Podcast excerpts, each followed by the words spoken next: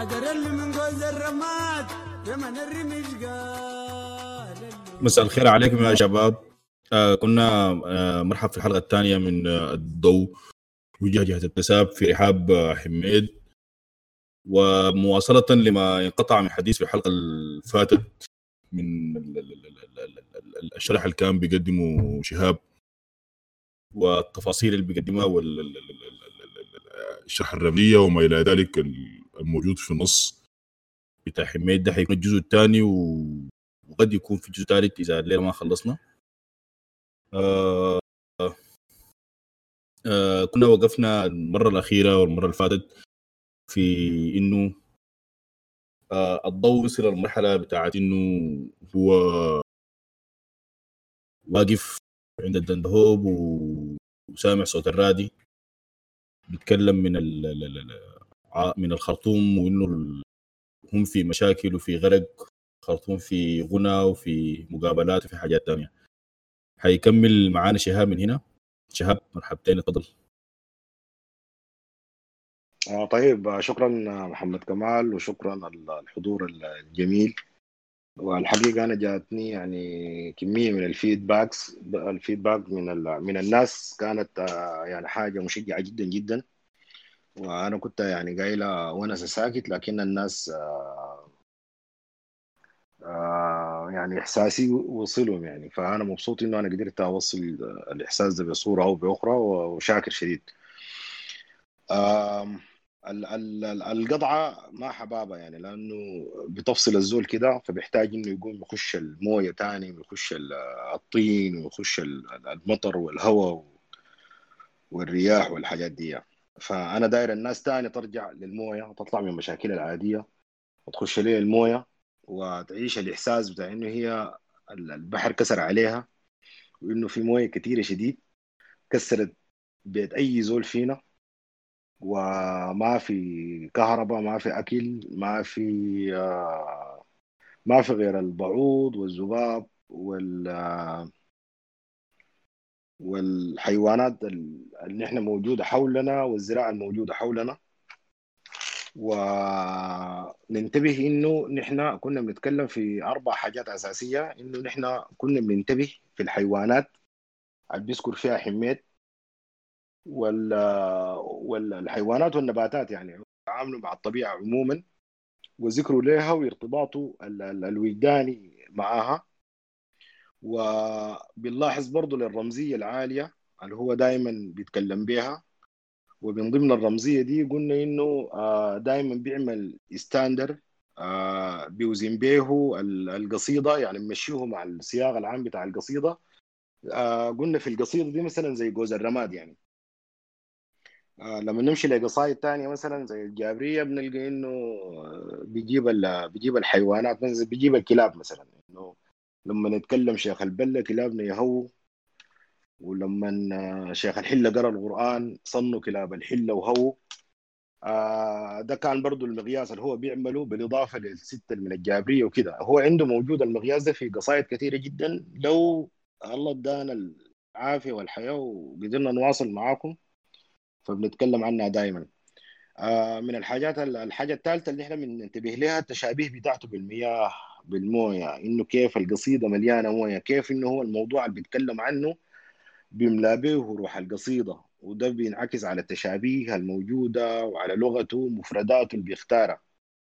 آه، زي ما نحن حنشوف إنه مثلا لما يقول آه، سرحت مع الخاطر بعيد شيمة التهاويم شالتها. الشيمة دي اللي هو الدوامة اللي بتحصل نص الموية. ما قام قال والله يا أخي المشاغل شالتها ولا التفكير ولا اختار مصطلح آه مليان موية. أو هو ذاته شبهه بالموية. أو جوز الرماد الضوء فضل جزيري ضارب فيها موج أو لما يقول آه آه بحر الصبر والاحتمال بيناته نتقطع ترع. دي الحاجة الثالثة. الحاجة الرابعة إنه قلنا حميد في قراءاته المختلفة بيغير كلمات بدل كلمات. ودي قلت بتعتمد على حسب فهمي. أنا بتعتمد على ال- ال- ال- الحتة اللي هو بيلغي فيها القصيدة يعني. قلنا القصايد القصيدة لما نفس القصيدة لما نلقاها مثلا في في نادي في نوري آه، استعمل مفردات مختلفة عن آه، لما ألغاها في في السعودية مثلا آه، وفي حتات تانية. ف وال- والعجيب إنه دائما يعني اختياره في الكلمات بيكون موفق جدا جدا وفي الكلمات وبدائلها آه فنحن كنا مع الراجل ده لحد ما وصل الدحيش بتاعه في جوز الرماد وشال له آه يعني آه من التمر بتاعه اللي هو أصلا كان راجع به الحصاد قطع وشال له يعني حشحش صبايط فين خضر. بعدين قطع له زي تمر زي آه، فرع كده بتاع مانجا ومشى. بعدين في دندهوب بتاع ست نور عود اتكسر. وكان كان مزعل وراد الدندهوب جنبه دي آخر حاجة كنا بنتكلم عنها لأنه راد الدندهوب جنبه قلنا بجيب له أخبار المركز. وأخبار المركز ما كانوا شغالين به كتير. فأنا حاقوم أعمل لي زي خلفي بسيط كده لأنه العربية بتاعتنا وحلانه برجع خلفي بسيط وبعد ذاك بنمشي لقدام عشان آه، نمشي. لمس دحيشه الضوء بكى بكى ما بكى. بكاه يرجع لورا. بكاه راد الدندهوب الغادي ومدرمان. تنوني حبيبتي آه ودادي وين وحبيبي ووب. والباقي كله مقابلات. ضد القوانين البديلة. مع القوانين البديلة. اليسوى ما يسوى الرزيلة جهنم الجنة الفضيلة ولا خطر في بالنا الحال الكدر. لا علم سيل الجبال الشات مواريث القبيل مع الحجر. لا حكمة البحر الكسر لا عليه مسلم للكفر. هبد الجوامع من طرف. غمر الكنيس مع الغمر. ما علم ما علم والألمك ما علم ما علم ما علم. ضد القوانين الهزيلة مع القوانين العديلة ما بتمرمط للبلاد لا بتصنف للبشر والضوء زفر. دي الحتة اللي كنا وقفنا فيها المرة اللي فاتت في الزفرة بتاعته دي لأنه أنا متذكر إنه وقفنا في حتة حارة. آه، قبل ما أواصل آه، أنا مبسوط إنه يكون معانا أخونا وأخوي وصديقي العزيز آه، أسهري آه، سيف. وأسهري رجل مثقف جدا ومن الناس المهتمين حميد ومن الناس اللي بيفهموا حميد وشعر حميد بصورة قوية شديد. فأنا أرجو منه إنه بنهاية ال- ال- ال- ال- ال- التسجيل بتاع الليلة إنه يعمل مداخلة بالشيء اللي هو بيشوفه لأنه أفتكر آه، نظرته بتكون أعمق من النظرة بتاعتي. و يعني زي ما قال آه، الياس لما عمل الديكشنري قال أي زول يكتب كتاب ولا يعمل مادة بيكون داير إنه يلقى شكر عليها يعني. آه، أما أنا حسبي أن أنجو من اللوم. فلأنه آه، الخوض في حميد حاجة شوية صعبة وما سهلة يعني. فأنا برحب بأسهري مرة ثانية و اسمه شنو؟ أرجو إنه بعدين يعمل مداخلة صوتية إذا سمحوا لنا الناس ال- ال- ال- الادمنز يعني. والضوء زفر يستغفر ينشهد تلا في سره صورة الزلزلة دون بسم الله. قاوم عنا. نفض عريريقي دفر طاقيته لورو حنا. في مرات بيقراها دفر طاقيته مرات بيقراها دقر طاقيته. الناس بيقولوا طاقيته دقار يعني خدتيها ما في وضعها العادي. خدتها بنوع من الزهو والفخر. فالقرايتين بيجوزن. زي زي زي زي لما قلنا رواية عمرو وورش وحفص وكده شد الحبل بالطوف دنا جم تمرة من دون التمر ما بتنطلع. عندنا التمرة في البلد اللي بتبقى طويلة شديد والناس ما بيقدروا يطلعوها. مرات بيسموها العويري. ومرات بيقولوا عليها كدر. آه بعدين ال- قال هو يعني التمرة لما تبقى طويلة شديد خلاص بيسبلوها يعني خلاص تاني ما بيرجوا خيرا منها. وبيقنعوا من ال... يعني ما بيقفزوها وما بيرجوا منها محصول زي ما بيقولوا. قال قاوم عناء نفض عريريقي دفر طاقيته لوروين. حنا شد الحبل بالطوف دنا. برضو في عبارات بسيطة لكن بتدينا الحالة بتاعته. يعني قاوم عناء بيوريك إنه الراجل ده خلاص فتر. آه يتملكوا يتملكوا التعب تماما. لكن still آه still هو فايتنج في في الحالة بتاعته وفي اسمه شنو في في الظروف بتاعته. لكن هو بيوري إنه الحاجات ما easy إنه هو الراجل ده بيعاني لكن لسه بيقاوم في العناء بتاعه. طيب. وشد الحبل بالطوف ده برضه دار يوري إنه أسلوب الحركة بقى موجود شنو؟ ما خلاص قبيل قال جوز الرماد بقى ما بتخوج. بقى ما بيقدر إنه يخوج عشان يصلوا فعمل طوف. الطوف ده كان بيجيبوا العنقريب. وبيجيبوا برميلين بيربطوا العنقريب فوق البرميلين وبيبقى زي المركب فبسموه الطوف.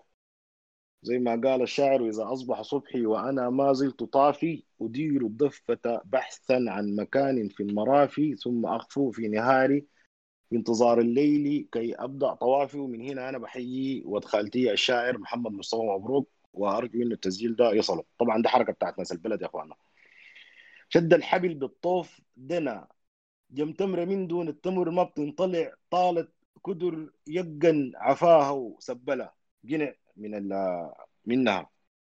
ساب الحديات تسكينة. ودي هنا واحد من الحيوانات اللي عندنا اللي هو الحدية. قال بنبونه من كم واربعين. هو دار يحكي القصة بتاعت بتاعت التمره دي. لا ده عشان يوري إنه هو ارتباطه بالحيوان قدر شنو وارتباطه حتى بالنبات قدر شنو. يعني النخلة بالنسبة له ما نخل ما حاجة بسيطة ما حاجة سهلة. النخلة دي هي member من ال family في الشمالية جزء من الأسرة دائما بتكون. جزء من الأسرة بيعرفوها وفي ناس بيسموها بالأسامي. وعندنا حبوبة اللينا مشينا قطعنا تمر وطلع إنه قطعناه بالغلط. من الثمرة بتاعتها قالت لنا وب علي أنتوا قطعتوا التمره حقت ولد عمي فلان. يعني هم ارتباطهم بها لدرجه إنه بيعرفوا الثمرة حقت هنا وده حاجة بالنسبة لي كانت مدهشه جدا جدا. فهو دار يحكي القصة بتاعتها. قال بنبونة من كم و40 بنبونة دي اللي هو شتله بجيبوها صغيرة. طبعا النخيل عندنا ما بيزرع من الحصحاصة من ال من ال من الحصحاصة بتاعت البلح. الشتلة بتقوم من أمها يعني بيقوموا النخلة الكبيرة بتقوم من على جنباتها بيكونوا في شتلات. الشتلة الصغيرة دي بيقوموا بينظفوا حولها وبيجيبوا باغة أو صفيحة آه بيدخلوها يعني بيدوها من تحت وبيدخلوها في الشتلة وبعدين بيملوها تراب وبيسقوها آه لحد ما تقبض عروقها في في الصفيحة أو في الباغة دي اللي هو ده بسموه التصفيح. بيقولوا صفحوها أو زي ما قال محمد صلاح بيدرسوها. كويس. بعدين الشتلة دي بتاخذ نفس الصفات حقت أمها. شوفوا نحن من كثره ما يعني النبي قال أكرم أمتكم النخلة. النخلة هنا بيتعاملوا معاها بيتكلموا معاها كزول كفرد. ف... فبقولوا الشتلة بنت أمها والشتلة زي أمها وبقولوا شتلة وبناتها. كويس؟ فهو بيتكلم عن دي قال بنبونة من كم و40 دي دي شتلة أو النخلة الطويلة دي وهي عنده معاها قصة.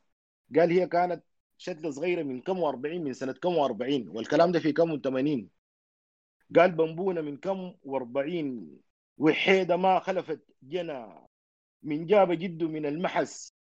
من هس غير محاننا يسقيها بالجوز. ما فتر قدر يرجيها المطر والليل حظها طوفنا. نخلة صغيرة. هو متذكر تاريخها. متذكر إنه جات من وين؟ زي ما الناس بتاعين الخيول بيحفظ الخيول وجدودها وحبوباتها هو النخلة عارفة جاية من وين؟ دي نخلة أصيلة جاية من المحس. جاب جده وكانت بنبونة صغيرة. كويس. وحيدة ما خلفت جنى وما جابت لهم يعني براها يعني. ما ما ما عملت جنى ومن هي غير محاننا كأنه هي دي أخته. قامت معاه من هي صغيرة هو متابعة يسقيها بالجوز ما فتر. الجوز بيكون آه وعاءين بتاع ماء صغار بيتربطوا في عصاية وبيتشالوا على الكتف. بيسموه الجوز. ممكن يكون الجوز ده صفيح صفيحتين. ممكن يكونوا خرجين آه اللي هو ممكن يكونوا آه قربتين ممكن يكونوا باقتين. بيتربطوا في عصايتين. لأنه زمان ما كان في الجداول والموتورات بتاعت الموية وكده. فالوسيلة بتاعت السقيا إنك أنت تشيل الجوزين دول تملاهم من البحر وتجيب تملأ بهم الشتل. بعدين النخيل لما يكون صغير بيحتاج لعناية وبيحتاج لإنه آه يتم سقايته مانولي زي ما بيقولوا. رأيك شنو في دي يا صدام؟ سقايته مانولي دي. ومع فقير وين يا أخوان الليلة؟ كويس؟ طيب آه فهو كان بيسقيها من هي صغيرة. بعد تقبض الشتلة بعد ذاك عروقها بتصل تحت في ال في ال في, ال في الطين. بعد ذاك تاني ما محتاج إنه يسقوها بعد ذاك تاني بيحتنوا بها بإنه يقطعوا النخيل بتاعها بينظفوها بيقفزوها اللي هو يخصبوها. وبعد ذاك آه، بيحصدوها. آه، ده ده الشيء اللي بيتم عنها. آه يا سلام أبو الزهور اتدخل وعمل عكسه جميلة وجاب صورة بتاعت الجوز. وان كان جبت لنا صورة بتاعت طفله صغيرة بتشتغل وضد حقوق الإنسان يا أبو الزوز نحن الأيام دي قايمين فوق في حياه عجيبة.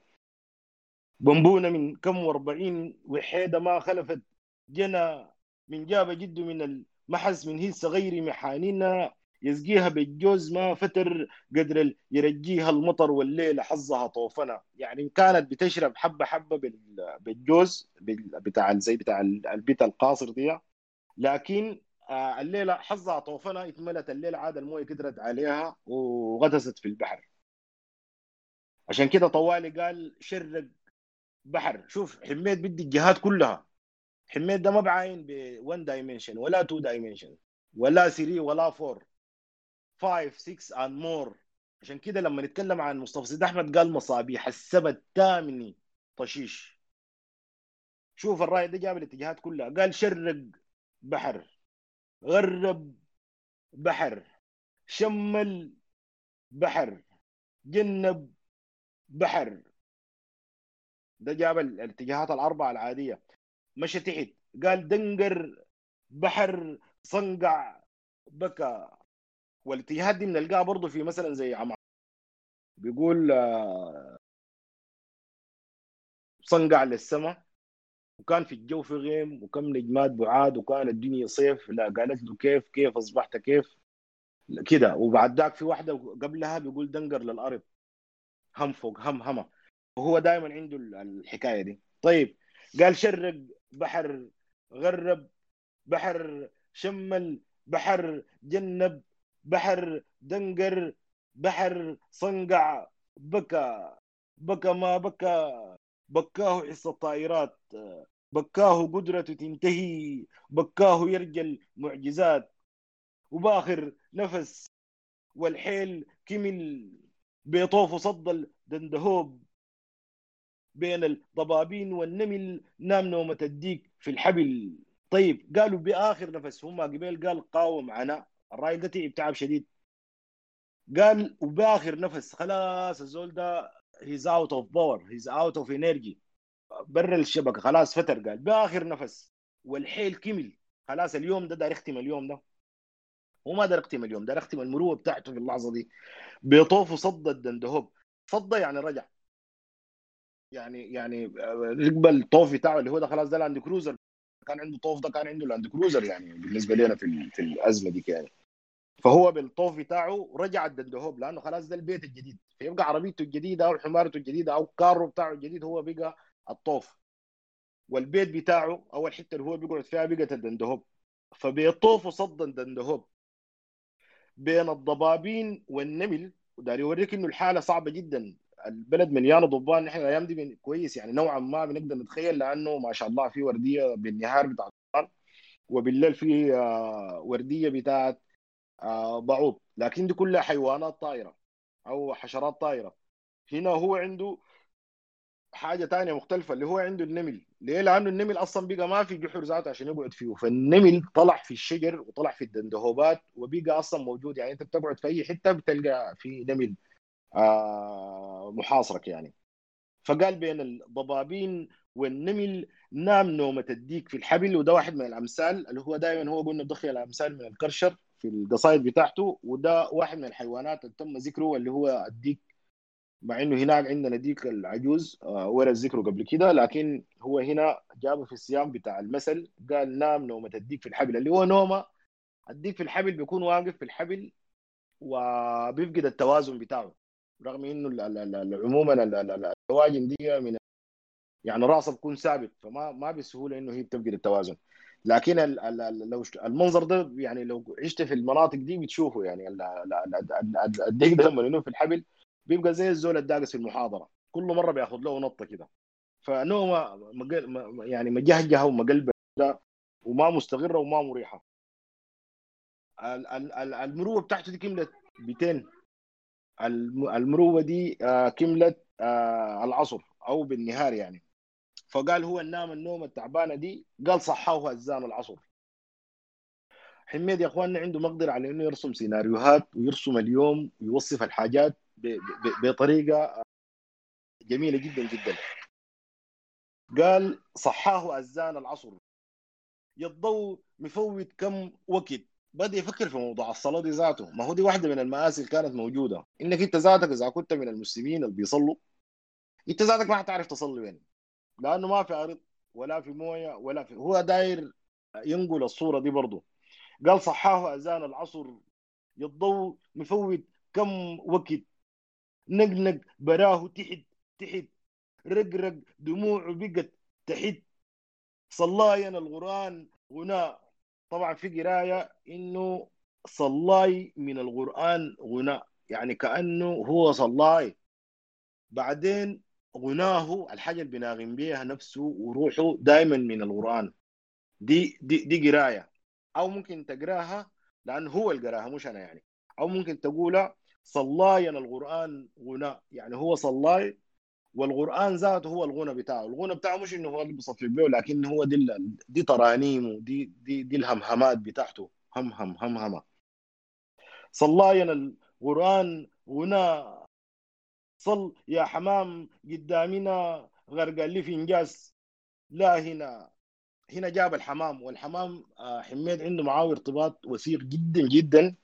ومن الحيوانات اللي بيحبها فهو بيضرب بها المثل كثير وحميد زي ما حنشوف لقدام كان مو عنده معضلة بتاعت الكفاح إنه يكون كفاح مسلح ولا كفاح مسالم.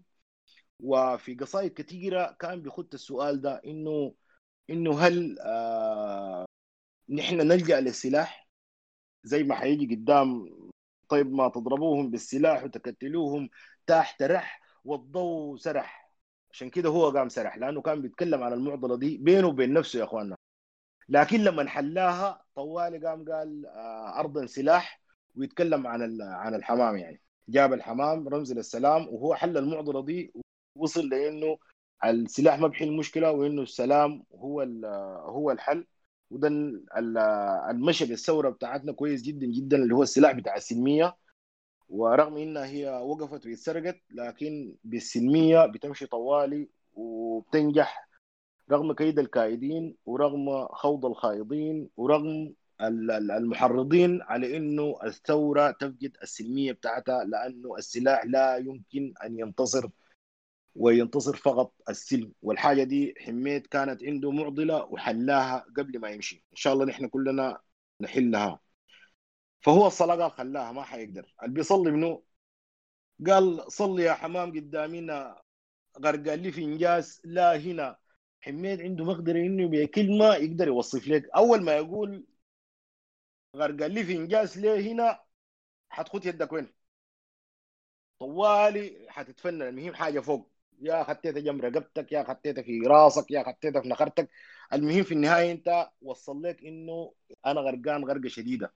أصلا ما حتعشر من تحت الركبة مثلا ولا تحت. غرقان لي في إنجاز هنا دي طوالي أنت حتودي يدك فوق. حميد ده عجيب يا أخوانا. صل يا حمام قدامنا. غرقان لي في إنجاز ليه هنا؟ ليه؟ قال ما شال جداولنا البحر. الجدول بيعمل بشنو الجدول ده لأنه هو بيتوضى منه. شال مستراحاتنا وهبر. طفح زفارات كم سنة. ال- ال- الحمامات عندنا يا إخواننا آه، آه، مستراح واحدة من أساميها يعني. في أدب خانة طبعا ده اسم تركي. آه، أدب خانة واجز خانة وشفق خا- شفا خانة. فكأنه ده هنا. لكن إحنا الناس بنقول المستراح ماشي المستراح يعني. كويس. قال فهو ما في ما في حتة ما في حمام يخشوا ما في جدول فيه موية نظيفة عشان عشان هو يعملها. وواحدة من الحاجات طبعا لأنه ال- المستراح أو الحمام دي لانها حمامات بلدية. فدي أول حاجة اتبشتنت. ليش؟ لأنه الموية لما تجي بتقوم بتلقى الحتة دي فاضية وبتمشي عليها بتبقى حاجة يسموها الكركية اللي هو فتحة في الأرض. آه بتشفط الموية بصورة كبيرة جدا جدا لحد ما تتملي. لما تتملي الحاجات اللي جوا بتجي طالعة تجي مطفحة. يا سلام يا. شوف بالله الكلام ده بالله لما شمينا الريحة ما. الما شم معانا ما فهم الكلام ده. ما شال جداولنا البحر شال مستراحاتنا وهبر هبر لأنه بتهبر وبخد حولها علامات عشان الناس ما يمشوا عليها لأنه كانت بتكون حاجة خطر جدا. طفح زفارات كم سنة مرحاتنا المراح اللي هو ده الحتة اللي فيها الغنم.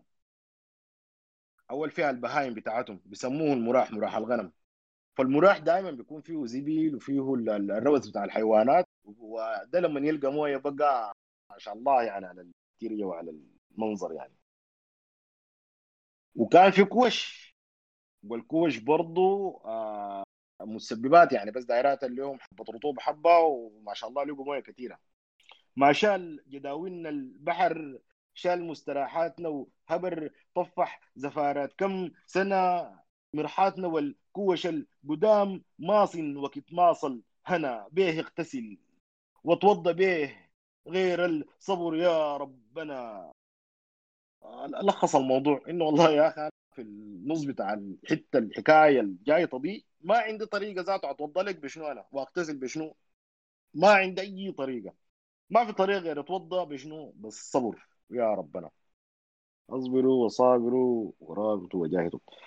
بكاه خلى البال نبل قولت عقابك في الجبل من زيدي بشرب يا جنا.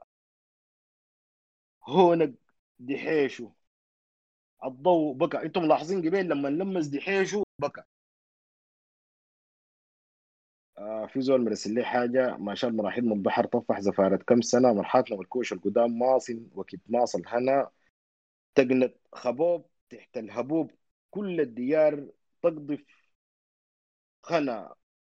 آه أنا أنا النسخة اللي جبتها دي آه نسخة من آه يعني نسخة فيربل من الحياة اللي هو قالها. حميد لما يقول بيقول بإحساسه فمرات بيفوت حاجات ومرات بيقول حاجات وتكون هي تشبه أو قريبة من الحاجة اللي هو كاتبها. حميد أثناء ما بيقول بالمناسبة حاجة للقصيده وأثناء ما بيقول بيحذف حاجة من القصيدة. فأنا شغال شغال بقراية من تسجيل.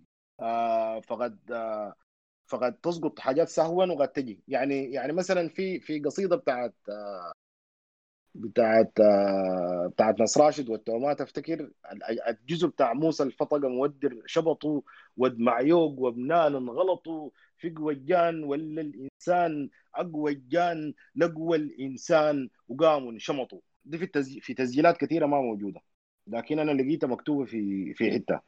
فيا اخواننا أنا قلت بس حسبي أن أنجو من اللوم. فكان في حاجة راحت الناس يتموها براهم يتموها خيال.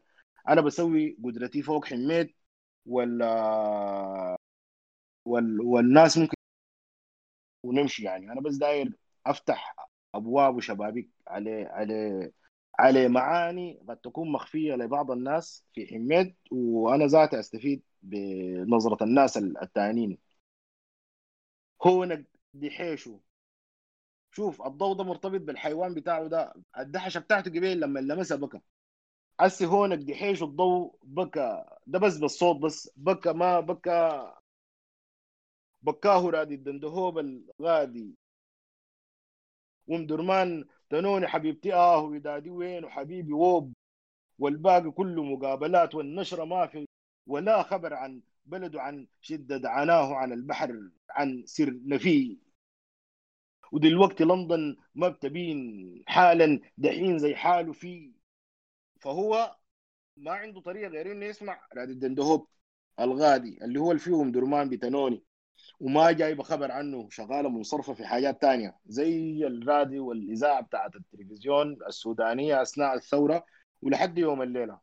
فوق فوق كده الثورة. تشيل أخبارك من الجزيرة ومن الحدث. الحاجة الوحيدة كانت شنو؟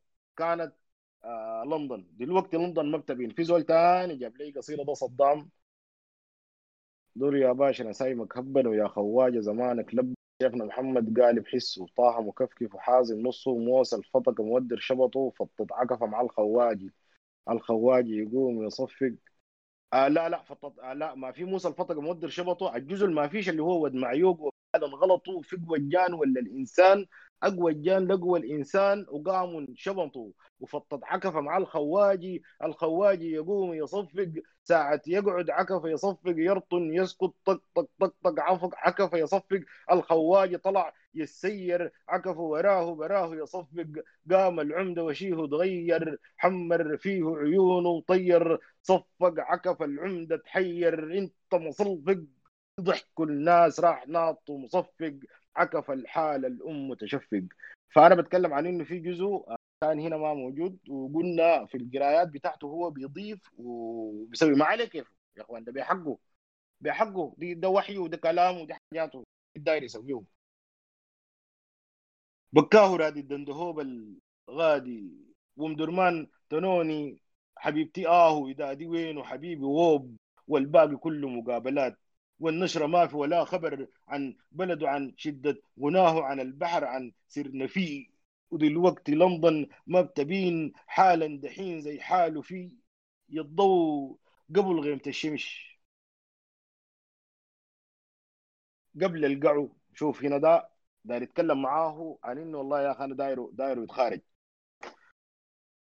بيتكلم مع نفسه إنه يتخارج وبيتكلم عن إنه كل الظروف اللي حوله وكل الحيوانات اللي حوله وكل الأشجار اللي حوله وكل الثقافة والكلشر الموجودة حوله بتقول له يا أخي تخارج الشغلة دي كتمت. زي ما هسه نحن هسه السودان ما في جاز ما في بنزين ما في عيش ما في أي حاجة. فأي زول بيكلم نفسه واغلب الناس بيكلموا نفسهم إنه يا أخي الظروف اللي حولنا لنا امشوا امشوا شوفوا لكم بلد ثاني أمركم تخارجوا. طيب هو منو اللي قاموا بيتكلموا معاه؟ قال له هو يضو بدأ يتكلم مع نفسه. قبل غيبة الشمس قبل القعو وهشوف هنا ده جايب حيوان من الحيوانات اللي هو الضفادع لأنه الضفادع كثرت قبل البعوض قبل الدعت اللي هو برضه حشرات صغيرة زي البعوض ده زي النميتي الحشرات صغيرة ومزعجة جدا. قال له يضو قبل غيبة الشمس قبل القعو قبل البعوض قبل الدعت. والموية كل ما عليك تزيد والزاد نفد قبل الحصار. يا زول خير تخت البلد يا زول قعادك شن بفيد شن حارس شن خايف عليه. أكتر من الطين الوقع في الطين شهيد. صور التمر يضو أمش. يعني الصور بتاعت التمر قالت له شنو؟ أمش. أو وعين الشمس يضو ومش البرتقان والمانجا والنين تنطقش يضو ومش الدندهوب يضو ومش حدر له من جوز الرماد رمنا رمش قال مش. قبل الحصار يضو ومش نبي الله نوح قال لك تمش. من ضو تروح يضو ومش يا زول قعادك شن بفيد شن حارس وشن خايف. عليه دكانك غاية العرش. دولابك العفش الجديد الحفلة ببيان الحديد تاويل تاوليتك البايركس إيه خايف عليه أكتر من الطين الوقع في الطين شهيد. نرجع للحتة بتاعت المشي دي. قال قال يضو قبل غيبة الشمس قبل القعو وقبل البعوض وقبل الدعت والموية ماشية زايدة والزاد نفت قبل الحصار يا زول خير تخت البلد لأنه الشغلة دي ما شكاتنا وما في أمل ما في نفق ما في نفق ذاته عشان يكون ضوء في آخر النفق. يا زول قعادك شن بفيد فايدة قعادك شنو؟ شن حاس وشن خايف عليه في شنو فضل عشان أنت تعرسه؟ أكثر من الطين الوقع في الطين شهيد. أنت زمان كان عندك أطيان مش الناس أطيان. عندك طين عندك بيت بتاع طين عندك دكان بتاع طين عندك سريقه بتاع عندك أي حاجة بتاع الطين وقع في الطين شهيد الطين انتهى انت تاني قاعد حارس شنو؟ صورة تمر قالت له أمشي. عين الشمس قالت له أمشي. البرتقال والمانجا والنيم تنطقش يعني جاء يعني يتكالبوا عليه. في أقول لك الناس زي جو جارين ينطاقشوا يعني جو جارين ب ب ب بخلعة كده. كويس. قال البرتقال والمانجا والنيم تنطقش. قالوا له شنو؟ قالوا له امش. حتى الدندهو بتاعه قال له شنو؟ قال له امش. ده دي دي لقطه أنا عجباني عجبة شديدة. عشان كده أنا كاتبها في البايو. ال- الراجل ده عنده مقدره على التصوير السينمائي ما عادي. كده غمضوا عيونكم وتخيلوا معي إنه في حيوانات واقفة في جوز الرماد. تذكروها القبيل دي اللي هو كلبة مدين مدينة نعيجتها. وديك العجوز. وكديز عماد. كويس. حمارتك والدحش الغريب. ده مش واقفين في جوز الرماد. طيب عملوا شنو؟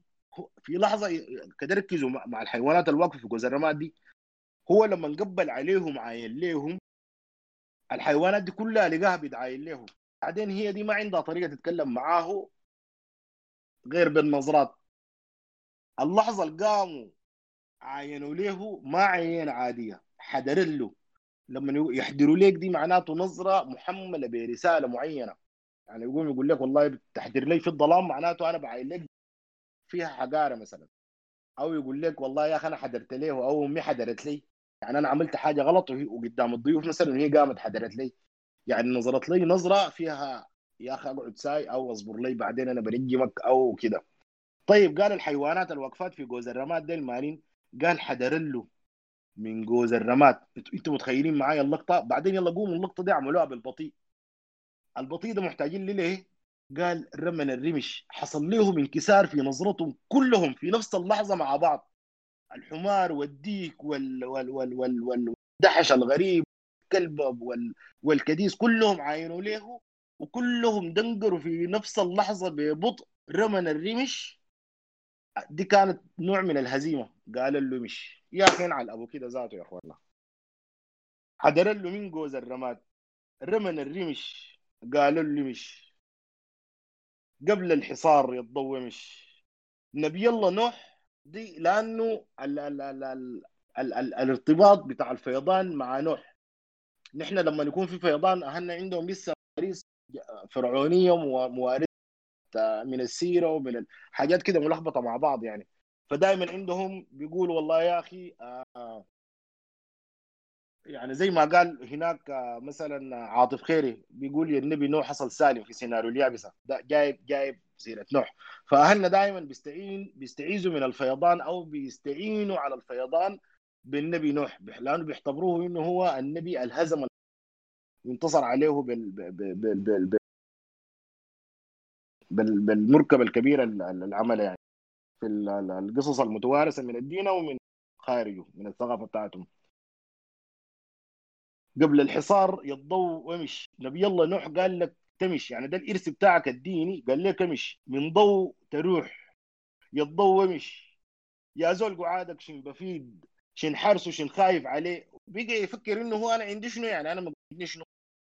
دكانك لغايه العرش يعني أنت عندك دكان حاجة كبيرة يعني.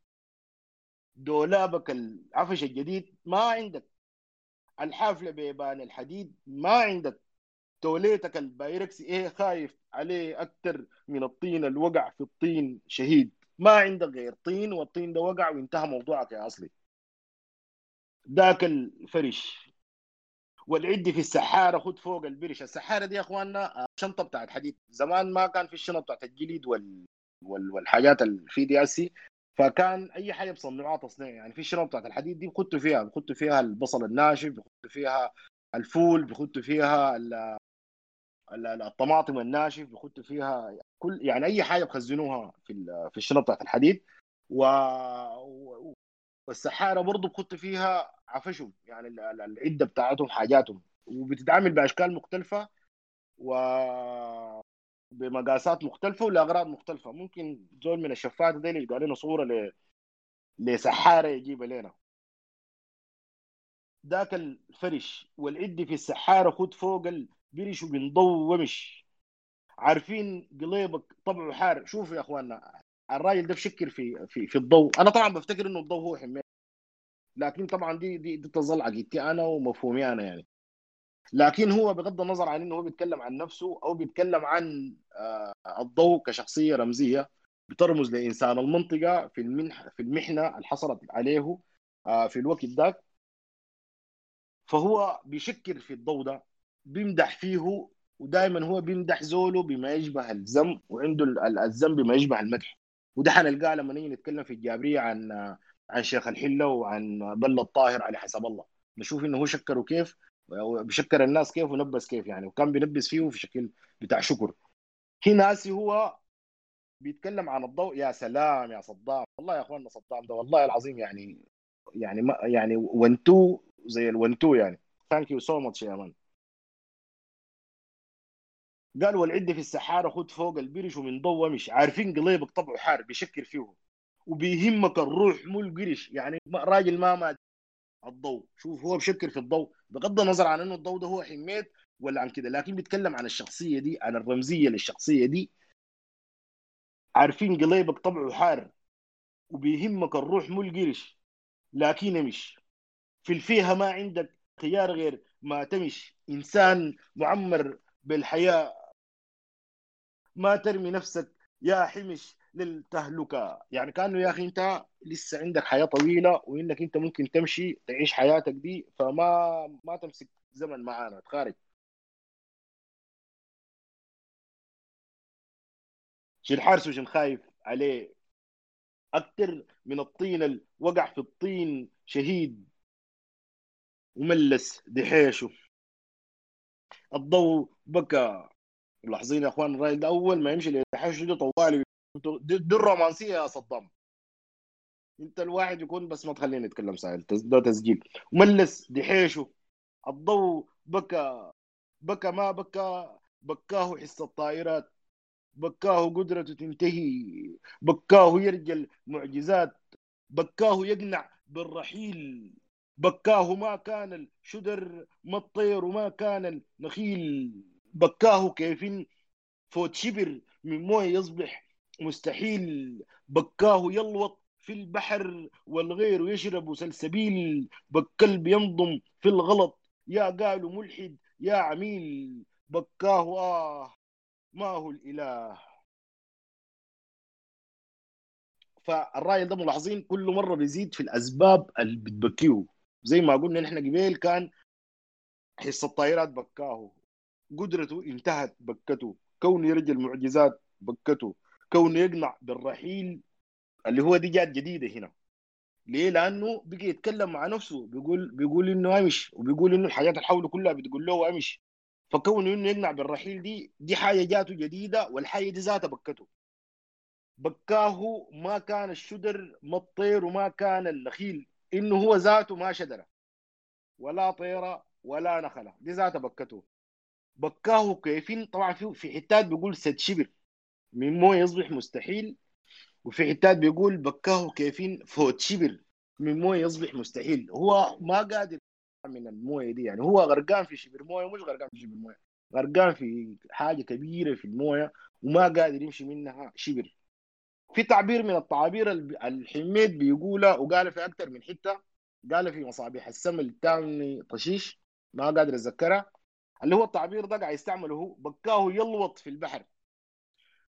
دي عنده بالنسبة له دي يعني كأنه قمه الانحدار يعني قمه قمه الذله وقمه ال- ال- السوء اللي هو وصل له. بيستعمل له المفردة الو- الواردة في القرآن توصف مجموعة معينة آه، بكاه يلوط في البحر. ودي شجاعة ما عادية يستعملها وهو يستع- بيستعمله في سياق وفي معنى وتعبير خاص به. عشان بعدين ما في زول يجي يقوم يحتجها في التعبير ده يعني. والغير يشربوا سلسبيل. وفي ناس قاعدة منعم يعني هو المشكلة بتاعته دي هو براه لكن في ناس كان قاعدين في المركز أو معاه هو ذاته غشينه وسايقينه بالغابة وأمورهم ظابطة. هو كأنه في أدنى في أسفل سافلين وديل قاعدين في أعلى عليين رغم إنه في الحقيقة وضعهم معكوس بكل بينضم في الغلط يا قالوا ملحد يا عميل بك بكا شوف لو لحق يتكلم في الغلط داك بيتكلم في الغلط. وهو لو يتكلم بيقولوا ملحد أو بيقولوا آه عميل. بكاه آه ما هو الاله يا دكة السلطة ودخانة وشملتها. وفي شرعك الإنسان يموت إن زادت الموية يموت من قلتها. دي, دي من الحكم برضو بتاعته إنه ال ال ال إنه الإنسان الموية زادت. آه الموية نقصت أو قلت الجهجة. ومشكله يموت عديل يعني. الموية دي زادت عليه وبيموت. اختفت منه بيموت. عشان كده قال قل أرأيتم إن أصبح قال لو سامحك في حقه سيدي العمدة هوي تب ما بتسامحك. بنت أبوي في شتلتة.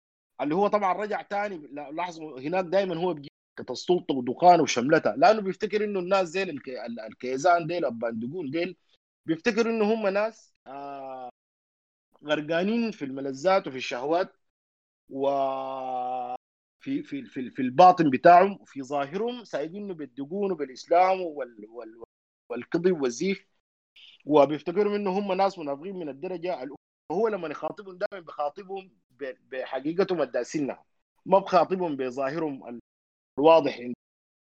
يا دكة السلطة ودخانة وشملتها.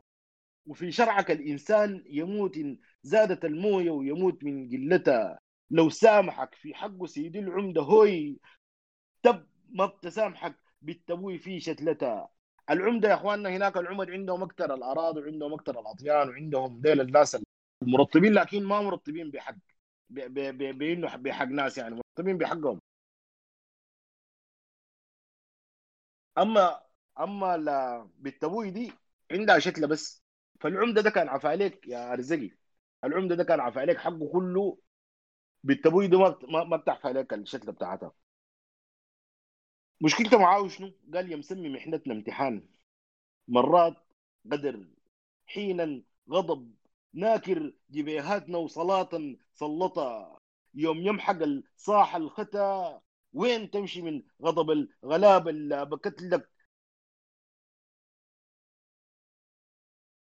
ولا شكت لك علتها في حاجة كده أنا ما عرفتها شنو. ولا شكت لك علتها فبيتكلم معاه وقال له يا أخي أنت مسمي محنتنا. طبعا تذكروا يا إخواننا الجماعة ال- ال- اللي قاعدين دي طبعا لسه قاعدين لكن لما كانوا قاعدين كمين كانوا شابكيننا ليك.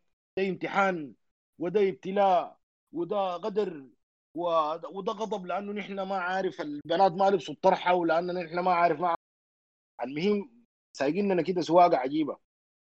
قال ناكر جبيهاتنا وصلاة سلطة. يا أخي نحن ما كنا قاعدين معاك ونسوي معاك يعني. إحنا الله ده غلطنا فيه في شنو يعني؟ كده. ف... فأنت بس لأنك ما اشتغلت شغلك جاءت الحكاية دي. لأنك أكلت القروش بتاعت الرصيف. ولأنك جعانين لأنك كبيت الدقيق والسكر في البحر. ولأنك ما عملت بنية تحتية ولا عملت لك خزان ولا عملت ما عملت أي حاجة. بس أنت بتدج الفينه وبتشرب وتقود في جيبك.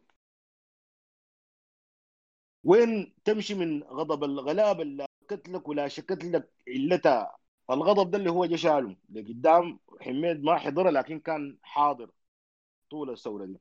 لملم خرافاتك عليك. أكثر حاجة كانت عاجبة حميد في البحر إنه البحر كشف له الزيف بتاع الدقون دي. ووضح له إنه في خرافات إنه الناس شغلهم ده كله كان خرافات ودي جلس واقف بالغابة. لملم خرافاتك عليك ما حرقت نظري يديك بس روحنا حقرك سلتها. الضرب بتاعك دق بومبان ما ده كله نحن بس الحقارب بس روحنا حقرك سلتها.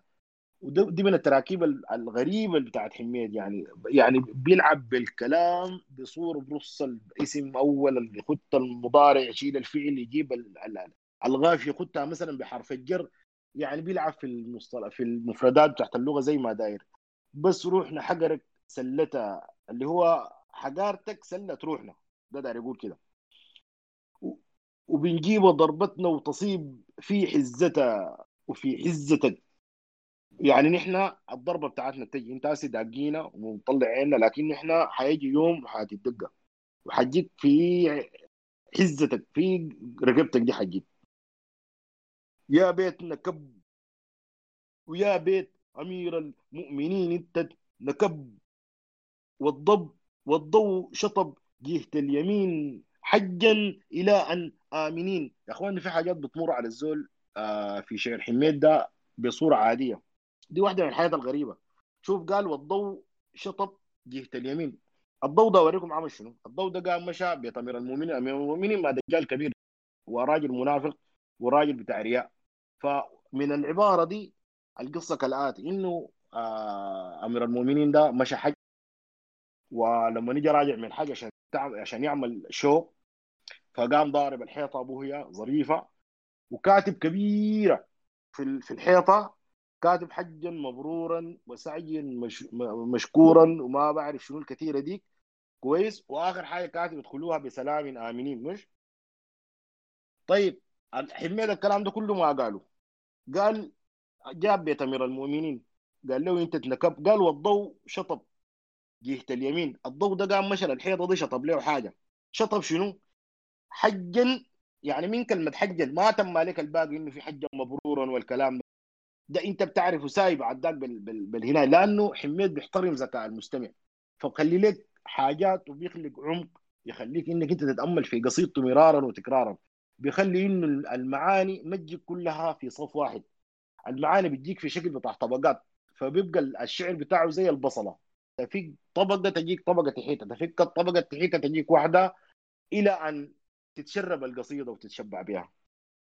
قال والضوء شطب جهة اليمين حجا شاطب من كلمة حجا دي زيط لحد يوصل شنو؟ لحد يوصل الكلمة بتاعت آمنين. ده أنا أتحدى شاعر يوصف بالطريقة دي. يقول والله يا أخي داري يوصف يقول والله يا في زول وقف يشطب له كلام مكتوب في الحيطة حيتعب تعب شديد. أنا غايته شخصيا كنت حقول والله في حيطة والحيطة مكتوب فيها حجا مبرورا و و و والضوء شايل الفرشه بتاعته ومسح من كلمة حجا دي لحد كلمه امنين هنا هو جابه بسيطة جدا. قال والضوء شطب جهة اليمين حجا إلى أن آمنين. وبخط خلاويه المكعوج والحرف واضح تخين بدم وطين الضوء كتب فوق باب أمير المؤمنين. ما ضر بيت أبي لهب. لو ظل بين المسلمين. لو جاء فينا لما ذهب. يا مؤمنين بغير دين. ومضى اسمه بين قوسين غضب. ده ده ده, ده الراجل ده قام دي واحدة من الرسائل اللي داري يوصلها بالقصيدة دي. إنه يا أخي أنا الراجل ده اكتشفته وعرفته وده الفعل الثوري اللي طلع به اللي هو زي ما أنتم لاحظتوا عبارة حميد وغيره. كانت مكتوبة في الشوارع. ولو لاحظتوا العبارات اللي بتكون مكتوبة في الحيط عندها ثورية بت... عندها رمزية بتهز دائما أركان الدكتاتوريات والأنظمة الشمولية. عشان كده ناس الأمن ما كان بيستحملوا إنه يكون في كلام مكتوب في حيطة. أي ناس يكتبوا كلام في حيطة بكرة ناس الأمن تلقاهم مسحوه وشخبتوه. وحميت عنده الفعل الثوري ده موجود في قصائد كثيرة جدا زي ما حنشوف في الجابرية لما الجماعة قاموا كتبوا في الحيطة مش الجاورية الجابريه تحيي الشارع و و و عنده في قصائد ثانية كثيره أنا ما مستحضرها الآن. فهو داير يوصل إنه يا أخي آه أيوه زي صدام زي الشافعي اللي من كتب في الجامع. فهو كأنه يا إخواني نحن نضرب يعني ما لأنه ما نحن ما عندنا مشكلة بتاعت الإرهاب الديني إنه إنه أنت بتخوفنا بالدين فما بنقدر نتكلم في الدين. فنحن بنقول حميد بيقول نو أنا بمشي لاصل المشكلة يا أخي إنه الدين بتاعك ده زايف وأنا حواجهك أنت ذاتك والرمزية بتاعتي بانه أنا حاكتب لك في حيطك بشخبط لك في حيطك وبكتب كلام أنت كاتبه رافع الصاحب فوق أسنة الرماح. الكلام بتاعك بتاع حجه مبرور سعي مشكورا ده ده كلام مقدس وأنت كاتبه عشان هو كلام مقدس وداير تكشر لنا. لكن حميد داير يوصل إنه الرأي ده وصل مرحلة بقى داير يواجه الحقيقة مشي لل root ال root cause مشي للسبب الرئيسي والسبب الجذري للمشكلة بتاعته وشطب الدجل بتاعك اللي انت كاتبه اللي هو كلمة الحق اللي أريد بها باطل دي مسحها كله كله وكتب فوقها كلام تاني قال ما ضر بيت أبي لهب. وبعدين برضه ورى إنه الضوء المستوى بتاعه العلمي شنو؟ قال الضوء كتب فوق آه، قال بخط بخط خلاويه المكعوج لأنه رايد ده بس قاري خلوة. والحرف واضح تخين بدم وطين شوف الزول ده كاتب الكلام ده بدم وبيطين. يعني ده ده نابع من أصله من تحت. قال ما ضر بيت أبي لهب لو ظل بين المسلمين لو جاء فينا لما ذهب. يا مؤمنين بغير دين ومدى ومضى اسمه بين قوسين غضب. بين قوسين كده كتب غضب. يعني الكلام ده اللي كتبه غضب منك أنت ومن الدجل. في صدام منزل بق فرحان في شافع نافع ترفع امه في حيط الجامع يس يك- يكتب يسقط دجل السلطة. يسقط بله وشغل التابع كشفناك وكشفنا الخطة. دي دي خليها نجيها لما نجي ل ل للقصيدة بتاعت الجابرية. أنا والله حلقه يعني الساعة كم؟ 8 كويس. طيب. قال آه الجبيل كان بيقول ال- الرياح مش أو الرياح قال والمويه أو أو كاللغة. رمت الدهاليز والأوض بس فضل فضل الباب العظة. أو مش العظة بس فضل الباب العظة يعني الباب ذاته واقف عظة. كويس؟ ورمت الدهاليز والأوض. ده البيت بتاع منو؟ ده البيت بتاع أمير المؤمنين اللي هو نحن قلنا شمتان فيه واصلا ما داسي شماته. وأنا أضفت إنه أنا ذاتي ما داسي الشماتة بتاعتي. طيب قال والضوء ضحك. آه لا لا ما في مشكلة أنا واصل التسجيل. قال والضوء ضحك. ساعة وداعه بقى ضرب غنى وضرب بطوق عين ساحة العشي. بانت نويرات العرب. حزنان غبشي ما ده إشي والله يا أخوان الراجل ده عنده تداعي بتاع مفردات عجيب يعني. قال والضوء ضحك. ساعة وداعه بقى طرب غنى وضرب. بطوقه عين ساحة العشي بانت نويرات العرب. ال- ال- شوف ما قال نويرات. قال ما قال نور. قال نويرات. ليش؟ لأنه العرب ديل أول حاجة ساكنين قلنا على تخوم ال آه ده في زول منزل آه ده, ده في ناس بيزعلوا من كلمة فرندقس وأزهر ينزل فرندقس. قال هي فوضى وخروج عن المألوف. من أمثالهم الدنيا فرندقس الحص... ال... أبو الحصين ركب الفرس ويقولون في دارفول آه، فلندقس أي خداعه من أمثالهم في دارفول الدنيا فلندقس والزمان دفس أي صراع. والما عنده غلماية يحلب التيس. آه شكرا يا أبو الزهور. طيب. قال بانت نويرات العرب. شوف ما قال نور ال- العرب ديل آه الناس اللي بيسكنوا على تخوم ال- ال- القرى في المنطقة بتاعت الشمالية آه هم دائما بيكونوا من قبائل رحل يعني بيكونوا من قبائل آه من قبائل مختلفة عباب ده هواوير مع هدندوة يعني قبائل حسانية. ناس جو أو بيكونوا دائما بالجمال بيتحركوا بيجوا قريب من النيل بيجوا بهايتهم وبعد ذلك آه، يا إما بيتاجروا أو بيسافروا أو كده. فدائما سكنهم بيكون آه، بعيد من يعني على في الحتة الاعلى من البحر. لأنه طبعا القرى كلها على التخوم بتاعت النيل. فدي كان لأنه طبعا ما في كهرباء. البلد كلها مكسرة عبارة عن طين وموية. ما في أي ضوء ظاهر. الضوء اللي كان بيصر له من بعيد اللي هو ال- ال- ال- النويرات بتاعت العرب.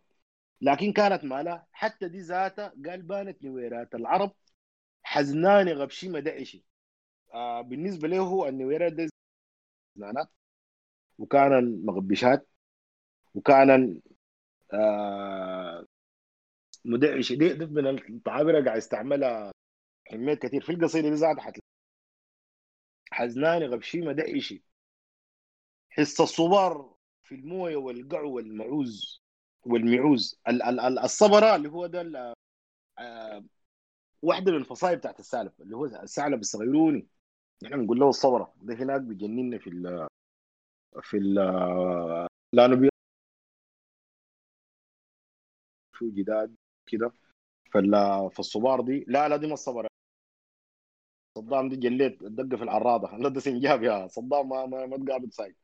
الصبرة دي ثعلب يجيب لك صورة بتاع الثعلب كويس. آه بس هو كأنه آه في ناس بيطريين يورونا الفرق شنو لكن هو ال- اللي اعتبره الثعلب يعني. بس يعني صغير الحجم هو صغيروني شديد يعني. بس يعني كأنه هو نوع من انواع آه صغير شديد. وعندنا موجودة كثيره في المنطقة وحميد برضو يستعمل الصبار في القصيدة بتاعت آه بتاعت آه الجابرية. آه بيقول لا إله إلا الله. طا طا طا طا. ده اللي هو صوت الصبره محمد يا رسول الله هو هو. قال في الموية والقعو والمعوز طراه للديك العجوز. الديك العجوز القاعد وين؟ قاعد هناك في في في جوز الرماد. قال شوف هو شوف ارتباطه بالهنا. الصوت الجاه من الصبار اللي هو مزرزرة برضه زيه في الموية. وقعو وال- خلاه يتذكر الديك العجوز. القاعد وين؟ القاعد قام هو براء وقال لنفسه قال يضو يجوز ينجو يجوز احتمال ينجو. ذلك الديك الذي مر بخاطره في تلك اللحظة بسبب حس الصبار وبسبب أصوات القعو وبسبب أصوات المعوز. يضو يجوز ينجو يجوز الحميد دائما بيجيب الأساطير الموجودة في الشكل بتاع الألعاب والأغاني بيدخلها آه، في القصائد بتاعته. يعني في القصيدة بتاعته مثلا بتاعت مصابيح السماء التامن طشيش جاب ال- القصة بتاعت نصيرة كأسطورة موجودة في المنطقة. البيت نصيرة سنة محل بنت البيوت وكده أو بنت بنت الفريق وكده. كويس؟ من ضمن الحاجات الحاجات قال قال حذر التلاميذ الصباح وكده وبعدين قال قال الهودنة اللي هو اللعبة بتاعت يا هودنة وكده. فمن ضمن الحاجات دائما بيدخل الأطفال وأصواتهم ولا حتى شليل اللي عنده هو كرة في أكثر من قصيدة بيتكلم فيها عن اللعبه من بتاع الشليل وين هو كان الدودو شليل وين راح اكل التمساح فهنا هو جاب جاب واحدة من ال من ال من ال ال ال ال الهازيج بتاعت الأطفال الموجودة في المنطقة لكن هو بس بيقولها بالطريقة بتاعته. عندنا الصبر اللي هو الثعلب الصغير ده آه في ناس بيقولوا لها الصبرة في ناس بيقولوا لها كيميرا أو كيمير وفي ناس بيقولوا لها عكولة عندها زي كم اسم يعني. كويس؟ فعندها زي غنية كده بغنوها ليها. بس هو الغنية قام هو دخل فيها حاجات حقته.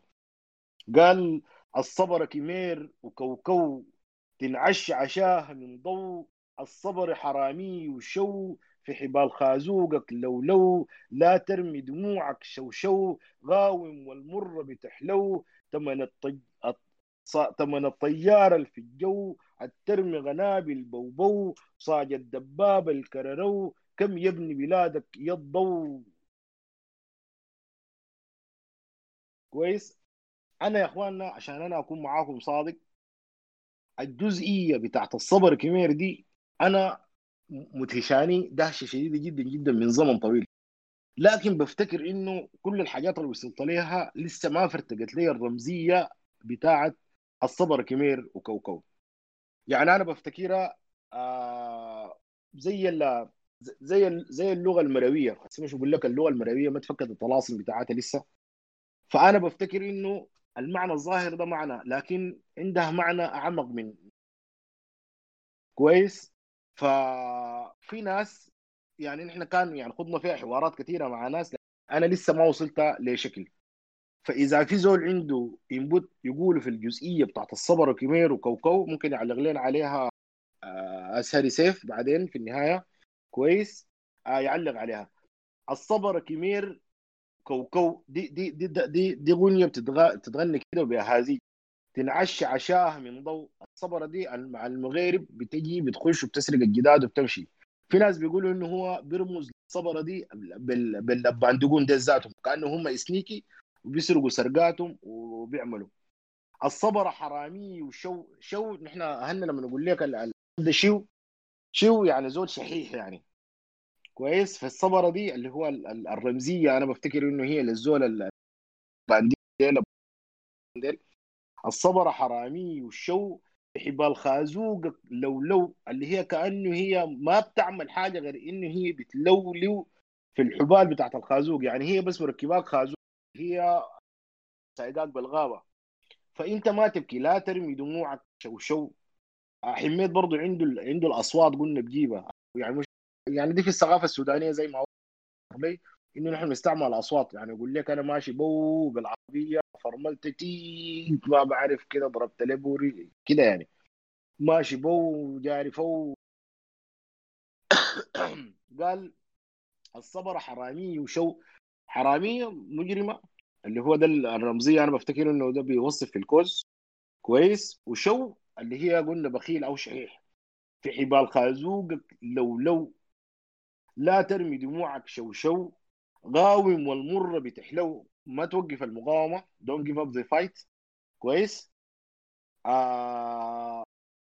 الطيار اللي في الجو. الترمي غلابي البابو طبعا الكهرباء قطعت دي على مستوى البيت يا أخوان. زي ما ما قال واحد أخونا لايف كويس. لكن آه، أخوكم عامل باور بانك يعني. طيب آه قال آه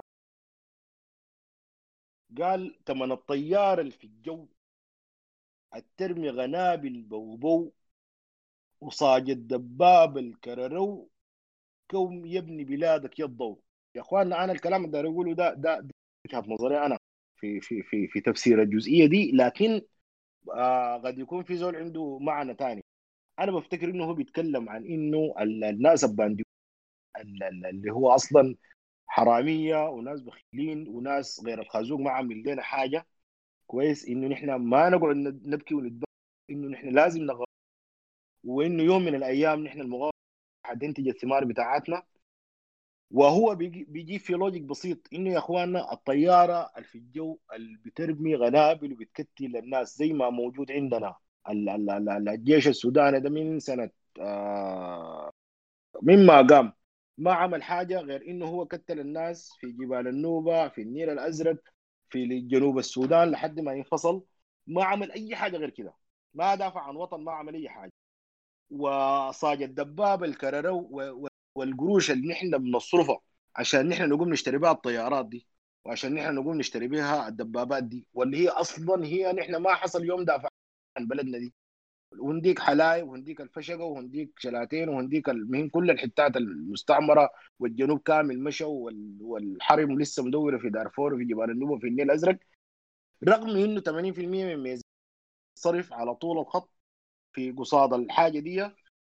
إنه يا أخي بس ببساطة أنت بدل ما تصرف لي القروش دي في في الطيارة أو تصرفها لي في الدبابة كم يبني بلادك الضوء؟ هل ما كان ممكن إنه الميزانيات دي اللي صرفت في في في في في في, في الطيران وفي في الدبابات دي ما كان ممكن يبني البلاد بتاع. وأنا حجاوب بالنيابه عنه وأقول كان ممكن جدا وكان ممكن يكون عظيم ده فهمي أنا. كم يبني بلادك يضو. طبعا في جزئية قال أنا ما سمعتها مني لكن لقيتها مكتوبه في حتة قال كم يبني بلادك يضو أو يحمي بلادك يا لو لينضم طوال يسو يا أيها الذين آمنوا لما تقولون ما لا كبر عند الله؟ أن تقولوا نزل كان بس نحن هسه ما المفروض نقوم نتكلم وما نعمل. لو ينضم كم يبني بلادك يضو أو يحمي ولادك؟ يا لو لينضم طوال يسو يعني اللي بيتكلم يقوم يعمل.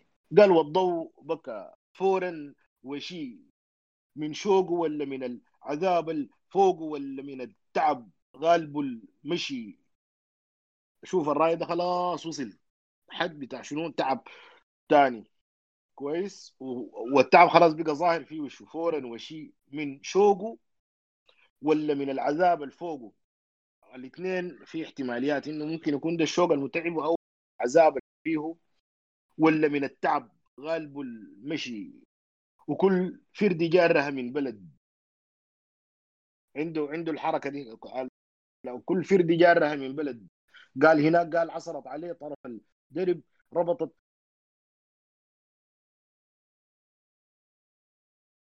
سفنجة بيدلق كل فرد كانت من بلد ينشافن الاثنين خدر الليل ستر. هنا قال آه أيوه دي الصبر يا اخوان عشابي شكرا يا عشابي. دي الصبر اللي هو ثعلب لكن الصائب بتاعت الثعالب فشنو في حجمها أصغر و موجودة العجيبة بكثرة على التخوم بتاعت الموجوده في في المنطقة بتاعت الشمالية دي. قال آه والضوء بكى فورا وشي. من شوقه ولا من العذاب الفوق ولا من التعب غالبه المشي. وكل فرد جارها من بلد. يضو سلامتك جيت 200 يلا شوف طوالي قام بدأ دخل شخصية ثانية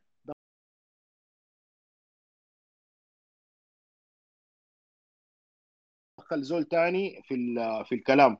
دخل زول ثاني آه نحن قلنا قلنا حميد بيجيب الحضور حق الزول حتى بيجيب الزول. ما بقول فلان قال أو دخل فلان زي السرد ال- القصصي يعني. هو لا قال طوال قام جاب جاب الحوار عشان تعرف زول ظهر في الصورة. قال يا الضوء سلامتك جيت 200 هو من قبيل كان بيتكلم مع نفسه بالضوء هنا قام جابه إنه والله يا أخي يا الضوء سلامتك.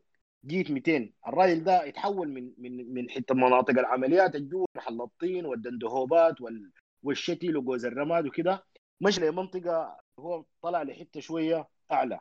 قال يا الضوء سلامتك جيت 200 سبتوها وحده للبعوض للطير ودبايا البحر نون الطبابين الكلاب الجندب الفارل سعر للجن يلبش للدعت الضوء بلدنا وودعت راحت شتول دوب فدعت فطست بيوت ما ضاقت الزين والعديل متمتعت ضاعت سعايات سعت.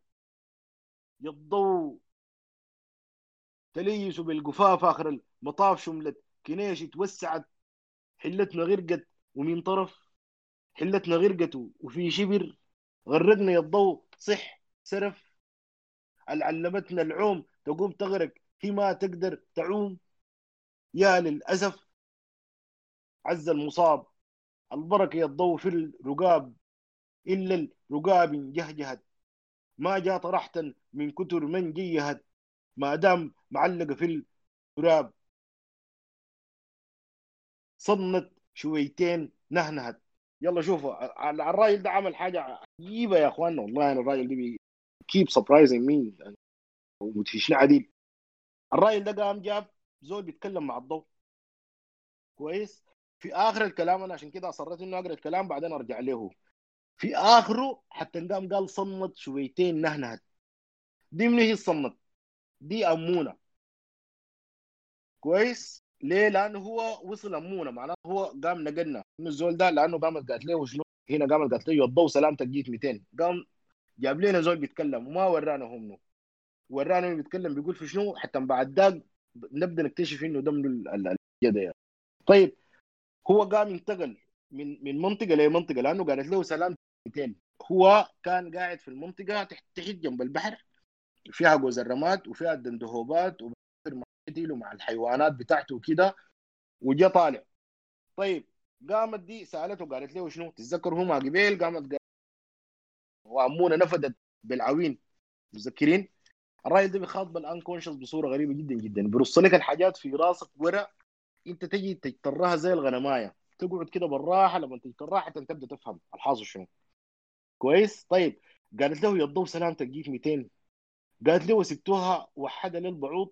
دي الحاجات اللي خليتوها تحت الحيوانات في جوز الرماد وكده.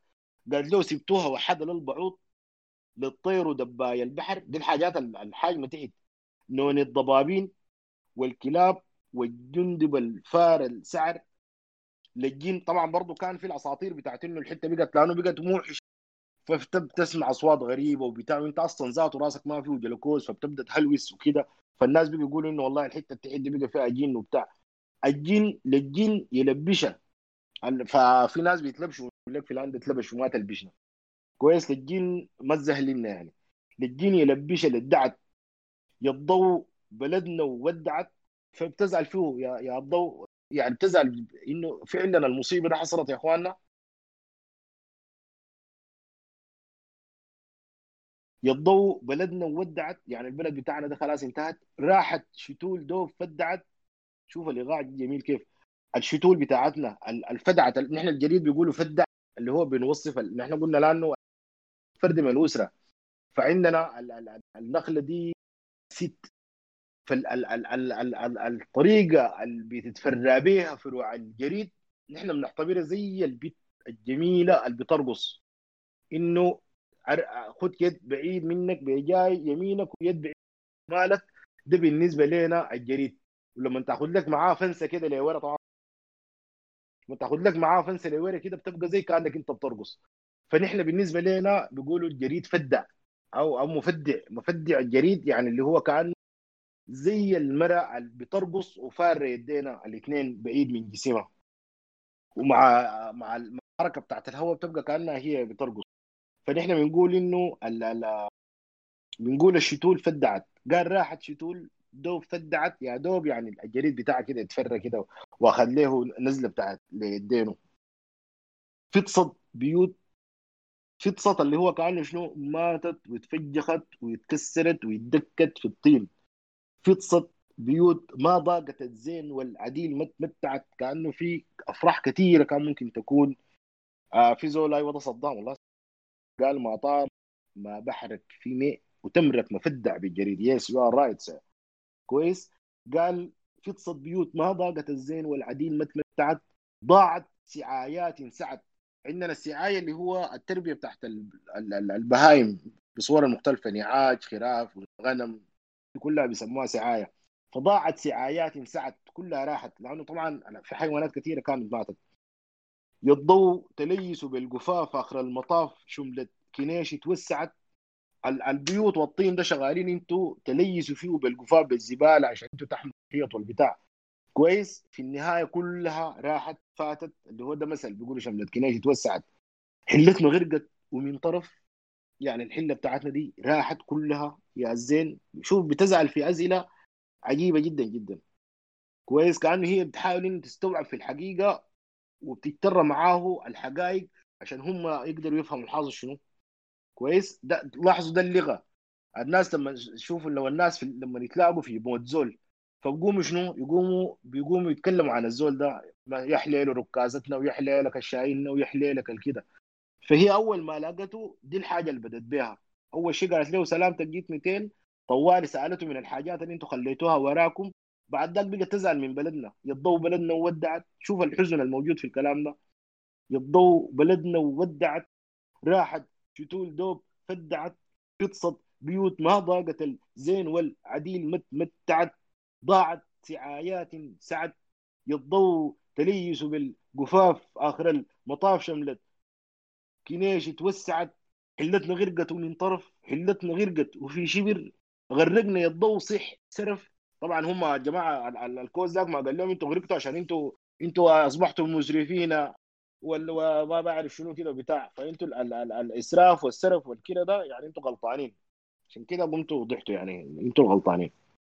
قال علمتنا العوم تقوم تغرق فيما تقدر تعوم. يا للأسف بلدنا دي في اللي علمتنا العوم هي ذاتها شوفوا يعني ارتباطهم بالبلد إنه البلد دي هي ذاتها كلها مع بعض بيعتبروها كائن حي القريه بتاعتهم يا للأسف عز المصاب البركة يضو في الرقاب.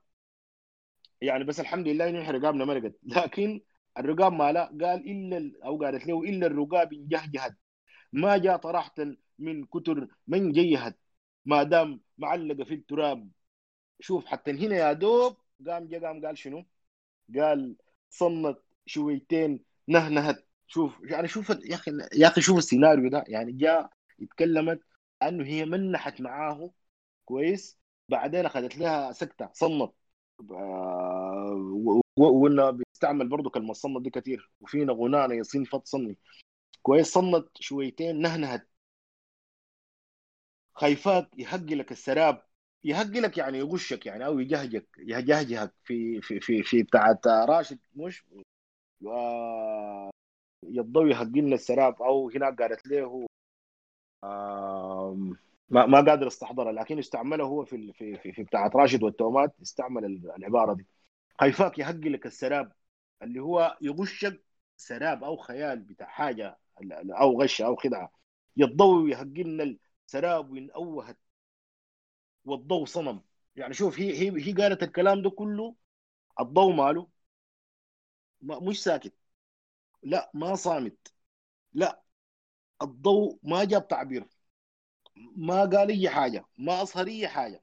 الضوء ماله؟ الضوء صنم ده ده تعبير يعني ده ده إحساس عجيب. يعني كأنه الضوء في اللحظة دي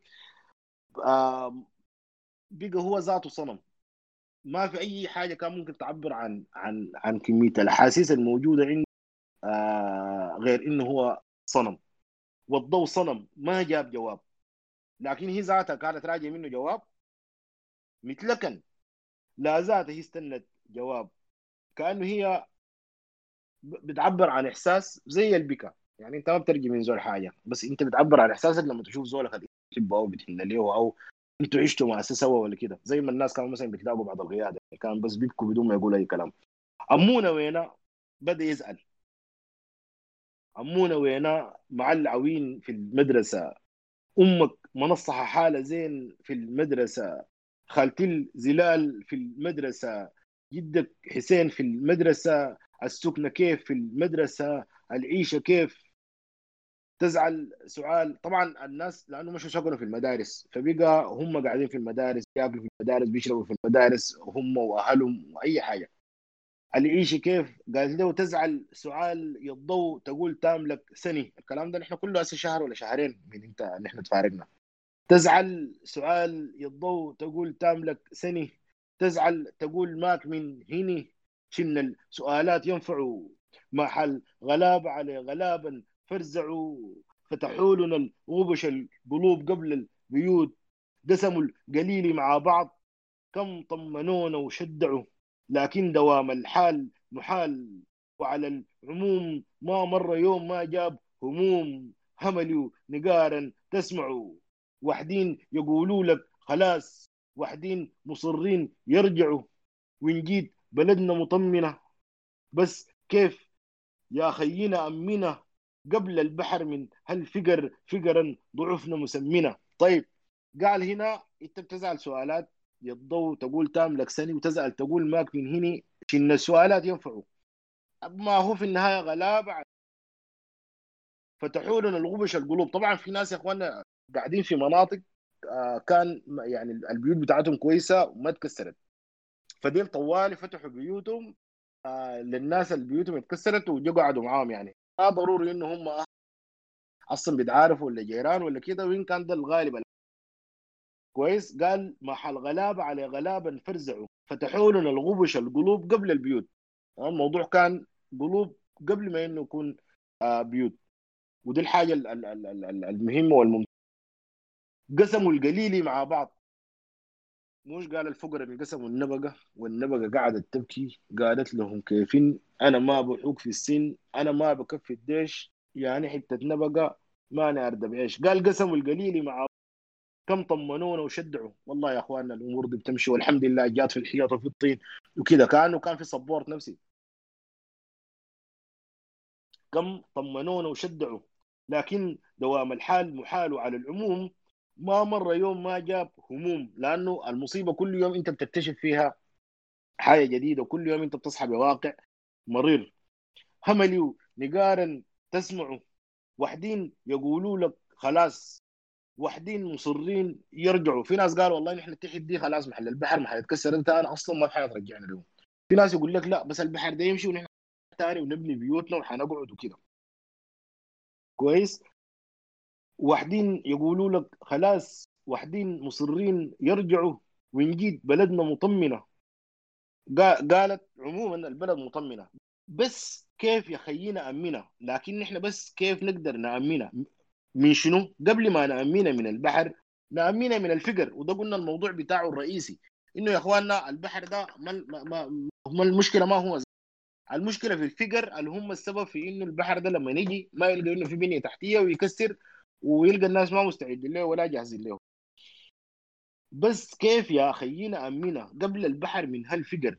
فقرا ضعفنا مسمنا الفقر دي رمز بها للجشع بتاع الجماعة باندقون ديل. وقال فقرهم دي جابت جابت شنو؟ الضعف حقنا مسمينهم هم فقرا ضعفنا مسمينا. والله دي حقه تتخطى تتكتب في البوابة بتاعت السودان. فقرا ضعفنا مسمينا. الفي العروق دمو دمهن. دمك يخيو دمنا. يعني في عروق الجماعه ديل بان عروق ديل يعني ماصين دمنا. ال- الدم ذاته القاعد جواهم ده ما دمهن هم ده دمك انت وده دمي أنا. يعني الناس ده مصوا دمنا. فقرا ضعفنا مسمينا ال- في العروق ده مو دمهن. دمك يخيو دمنا.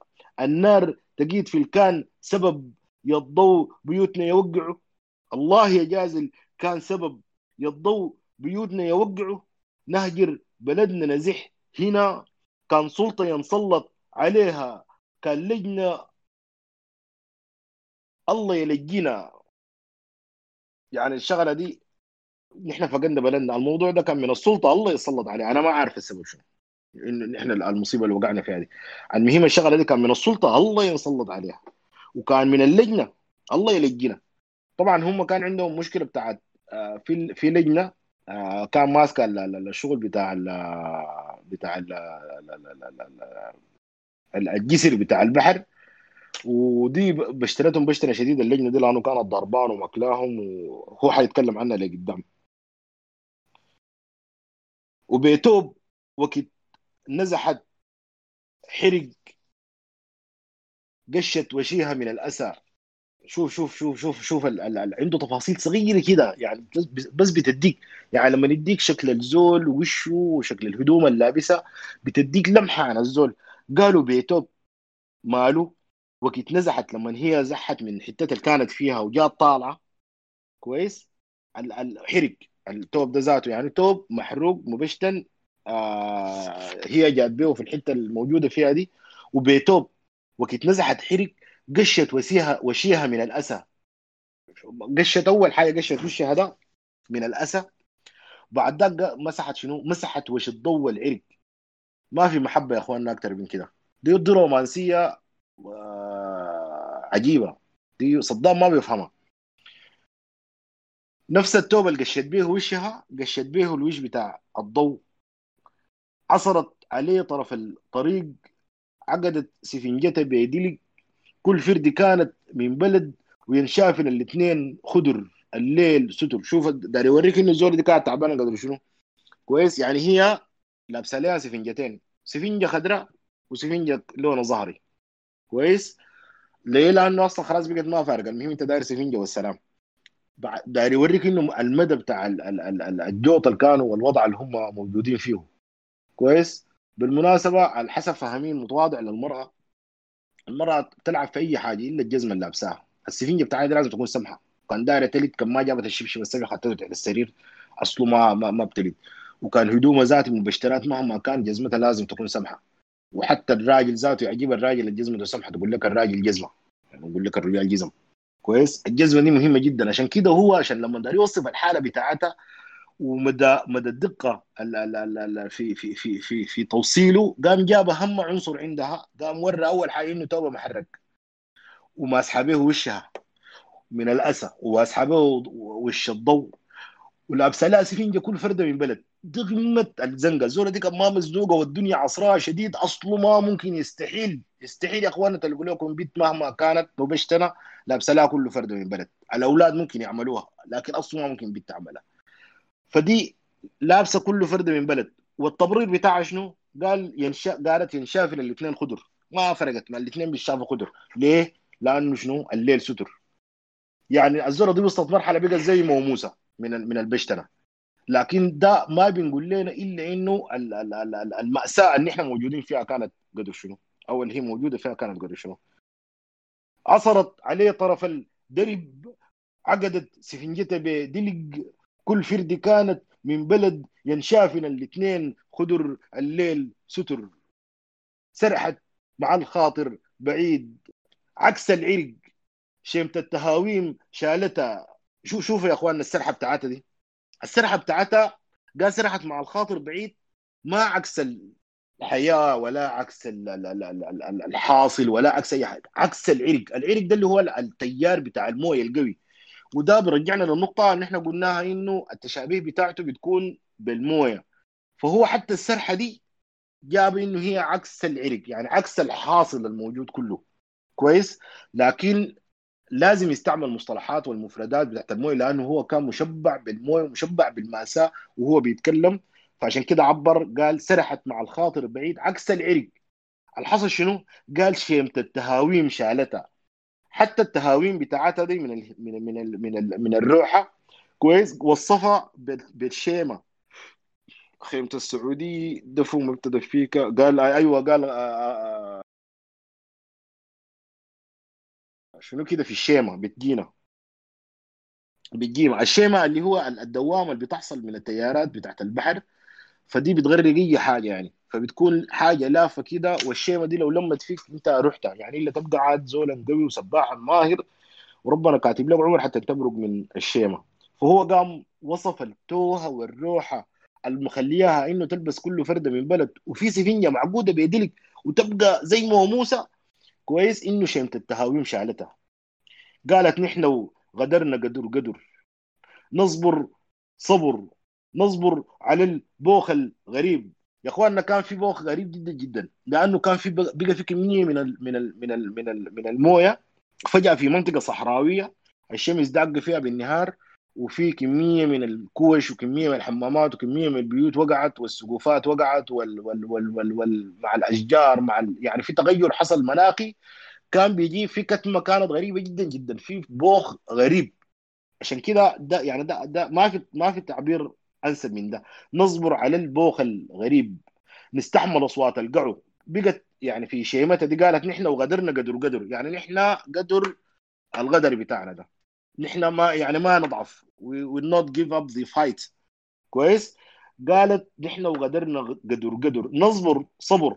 نصبر على البوخ الغريب. ونستحمل أصوات القعو. لا من نلاقي الهمبريب دي مش الجماعة قاعد يسووها. في الجماعة الأولاد الصغار نولعوا الليستيك لا من نلاقي الهمبريب والليل غناوي نولعه. يا يوم تفرحي من طرف.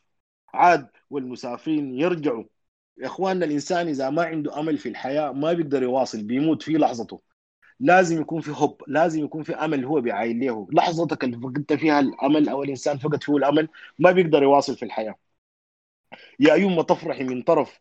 عاد والمسافرين يرجعوا. ده, ده كأنه لا دمع زرف. لا خيوط قلوب قطعوا. شوف ده مش أقول لك قطع نياط قلبي. شوف هو هنا وصفها قال خيوط. لا خيوط قلوب قطعوا. لأنه هم أسي قلوب خيوط اتقطعت نياط قلوبهم اتقطعت. هو جاب قال قال شنو؟ قالت قالت ده كأنه لا دمع زرف معناته هم شنو؟ زرفوا دموع. ونياط قلوب اتقطعت. يعني هو في لحظته بتاعت إنه بينفي في إنه الحاجات دي حصلت هو بيثبت إنها هي حصلت. ده كأنه لا دمع زرف لا خيوط قلوب قطعوا لا شتلة لا محصول تلف أو تلف لا ناس بيوت وقعوا. بحرا بلا الخازوق زحف نبلي نبني له كيف ما يطلعوا. صدفتنا تبقى آخر الصدف نمسك زمننا نطوعه يختونا يمشوا يودعوا فقرا علينا تربعوا دين لا بيخافوا من الحساب لا يختشوا لا يشبعوا حقك تحرسوا ولب يجي. حقك تلاوقوا تطلعوا أمسك شباطين الصراع ما بتحصلوا فلعوا أو الما بتحصلوا جدعوا ثبت يقينك لا يلين. انقح ترابك وازرعوا عقبان أبو الإنسان حنين. ما شق حنكا ضيعوا شوف يا اخواننا الرايل ده اختزر القصة كلها. بالحاجات بتاعتها وبالحلول بتاعتها في في الجزئية دي. قالت نحن وقدرنا قدر قدر نصبر صبر. ما خلاص هي she is accepting الواقع بتاعها إنه نحن نصبر صبر ونحن وقدرنا قدر قدر. زي الأيام دي نحن هسي بلد هي حالتها صعبة. الكيزان الوش اللي فوق فيه الوش الثاني قاعد موجود بيتلولوا علينا والمجلس بيتمجلس والعساكر بيتمجلسوا وحميتي قاعد و و و نحن ما بنقنع. كويس؟ نصبر صبر نصبر على البوخ الغريب ونستحمل أصوات القع لا من نلاقي لهم بريب والليل غناوي نولعه ده قمه الفرح؟ ثاني لما نرجع للمرحلة دي. يا يوم تفرحي من طرف. عاد والمسافرين يرجعوا. ده كأنه لا دمع انزرف. كل المآسي اللي إحنا مرينا بها دي تبقى زي كأنها ما حصلت. ده كأنه لا دمع انزرف. لا, خيوط قلوب انقطعوا لا شتلة لا محصول تلف. لا ناس بيوت وقعوا. بحرا بلا الخازوق زحف.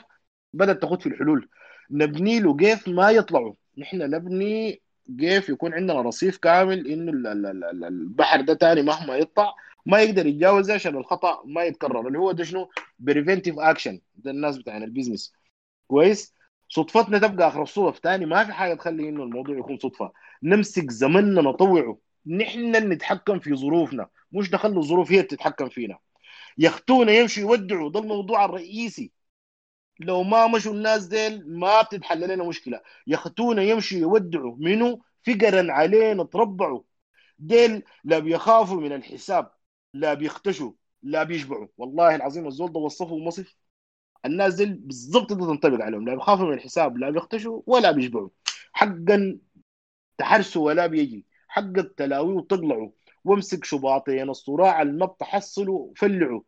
ثبت لي بالك لا يلي ننقح ترابك وازرعه يا اخواننا السودان مخرجه الوحيد اللي قالوا حميد وبيقولوا دائما حميد شاعر وعنده نبوءاته. الموضوع ما ما بحلنا إلا الزراعة. عشان كده هو في قصائد في قصيدة ثانية بيقول آه بيوض البراسيل فيها مفروضة. خدار يراري شوف عيني تشوفه بعيد بعد نجمي وأشوفه قريب قرب نظمي عقب يبرد حشاك يمي. وفعلا الوقت اللي قال فيه القصيدة الصحراء بتاعت بيوضه كانت صحراء جرداء ما فيها أي حاجة خضراء ولا في زول بما فيهم أنا. كان متخيل إنه يوم من الأيام في زراعة تنجح في الصحراء القاحلة دي.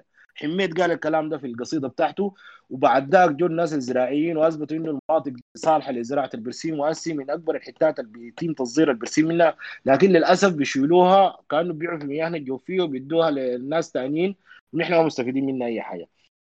الحل أنقح ترابك وازرعه عقبان أبو الإنسان حنين اللي هو الله ده حنين علينا يا إخواننا. ما شقح أنا كان ضيعه. ما تضيعنا طالما خلقك خلق معك رزقك.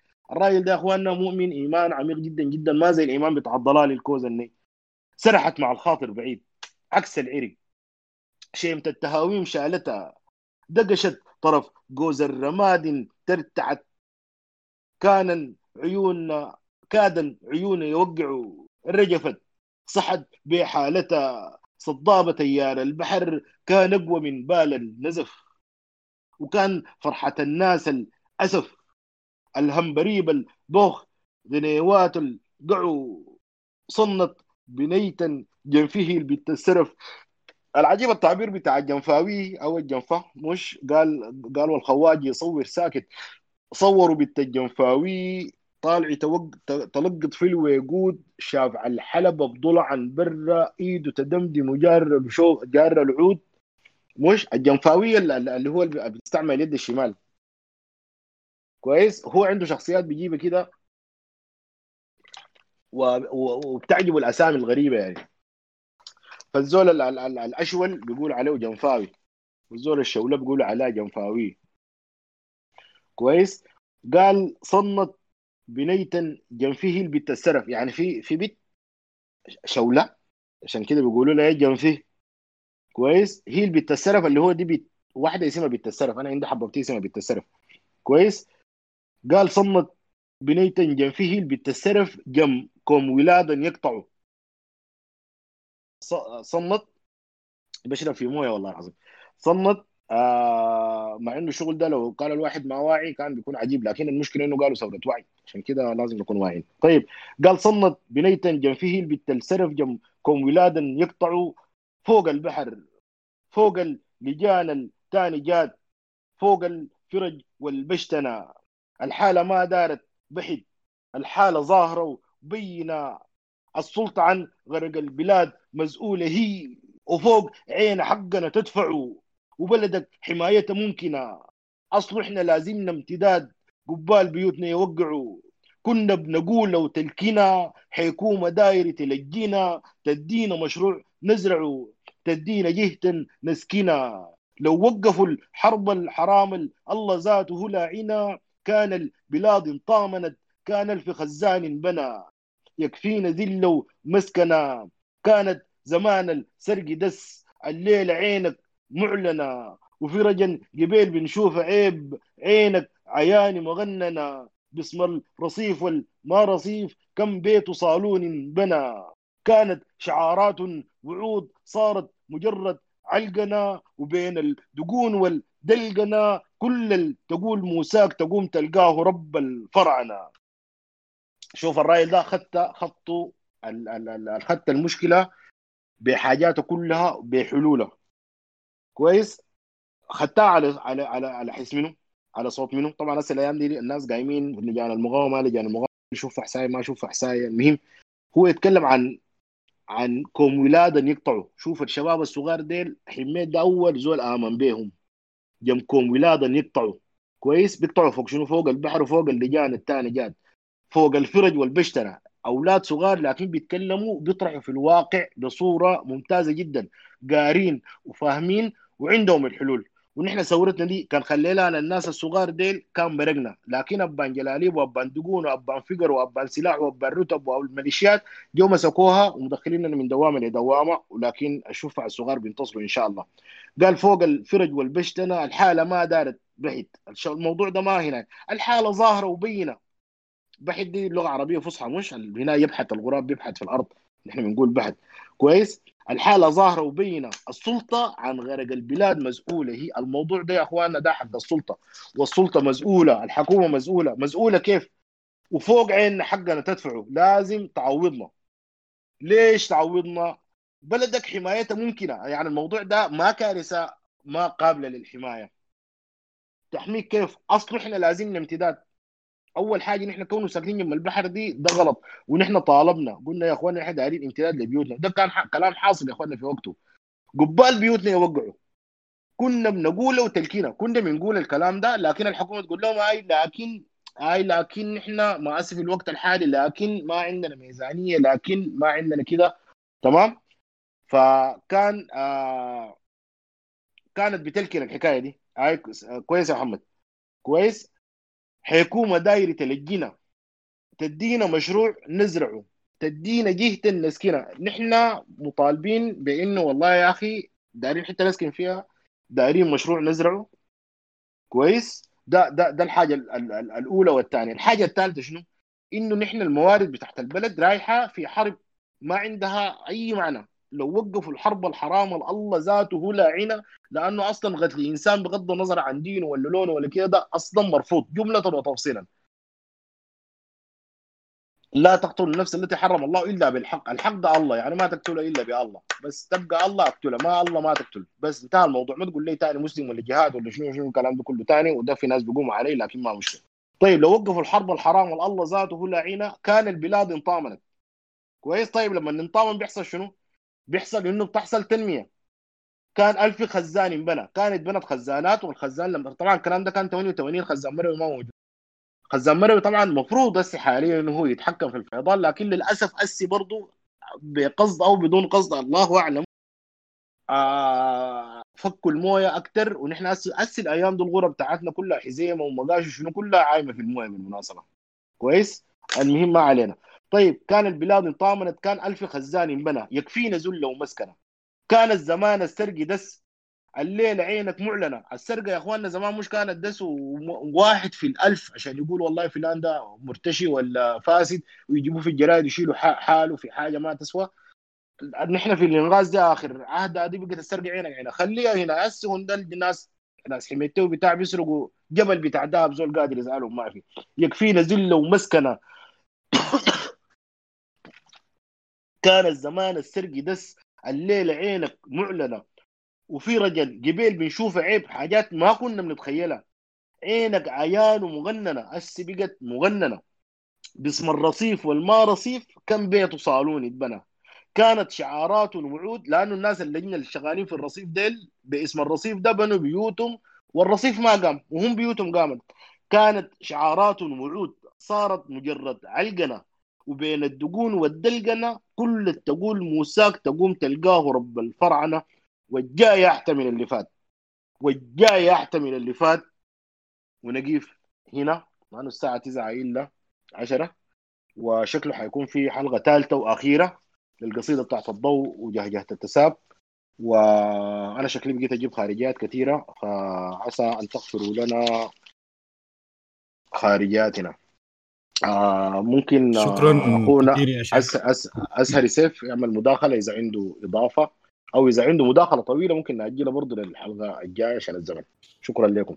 خلينا خلينا نسمع صوت أزهري ونسمع منه ولو شوية وممكن الحلقة الجاية يدينا زيادة وزيادة كمان لأنه هو أصلا فاضل ما كثير الحلقة الجاية ممكن تكون مداخلات بصورة وساعه يعني. آه، أستاذ أزهري. افتح المايك آه، اتفضل. السلام عليكم جميعا. أول حاجة سامعني؟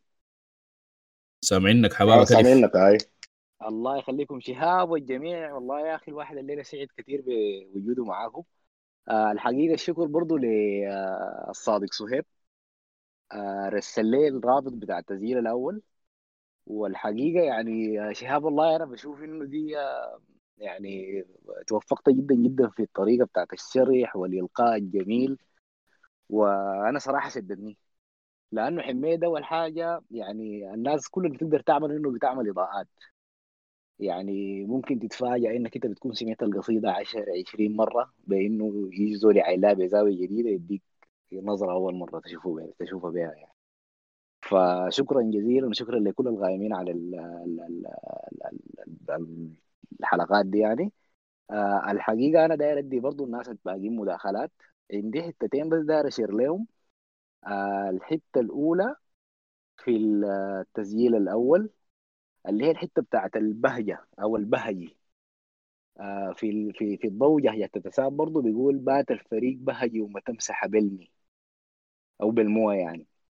آه كان قبل ال- 2011 كان في جلسات تمت جميلة جدا. يعني أنا ممكن برضه كنت محظوظ كنت من ضمنها. في ناس من آه، جيران يعني مثلا في حذيفة سليمان اللي هو كان آه، أضاء للحتة دي. ديل جيران حميت في نوري. وفي علي سعيد برضه آه سوري علي سند الله يتراو بالخير. هو طبعا برضه زول شاعر وكان تقدر تقول شبه شبه يعني حافظ سر لحميت زي ما بقول. كان في لحظات حميت بيكتب القصيدة live وهو بيكتب له بيكتبها له. فكانت في مداخلات جميلة جميلة جدا حاجات حتى ممكن ما ما يعني ما طلعت كثير.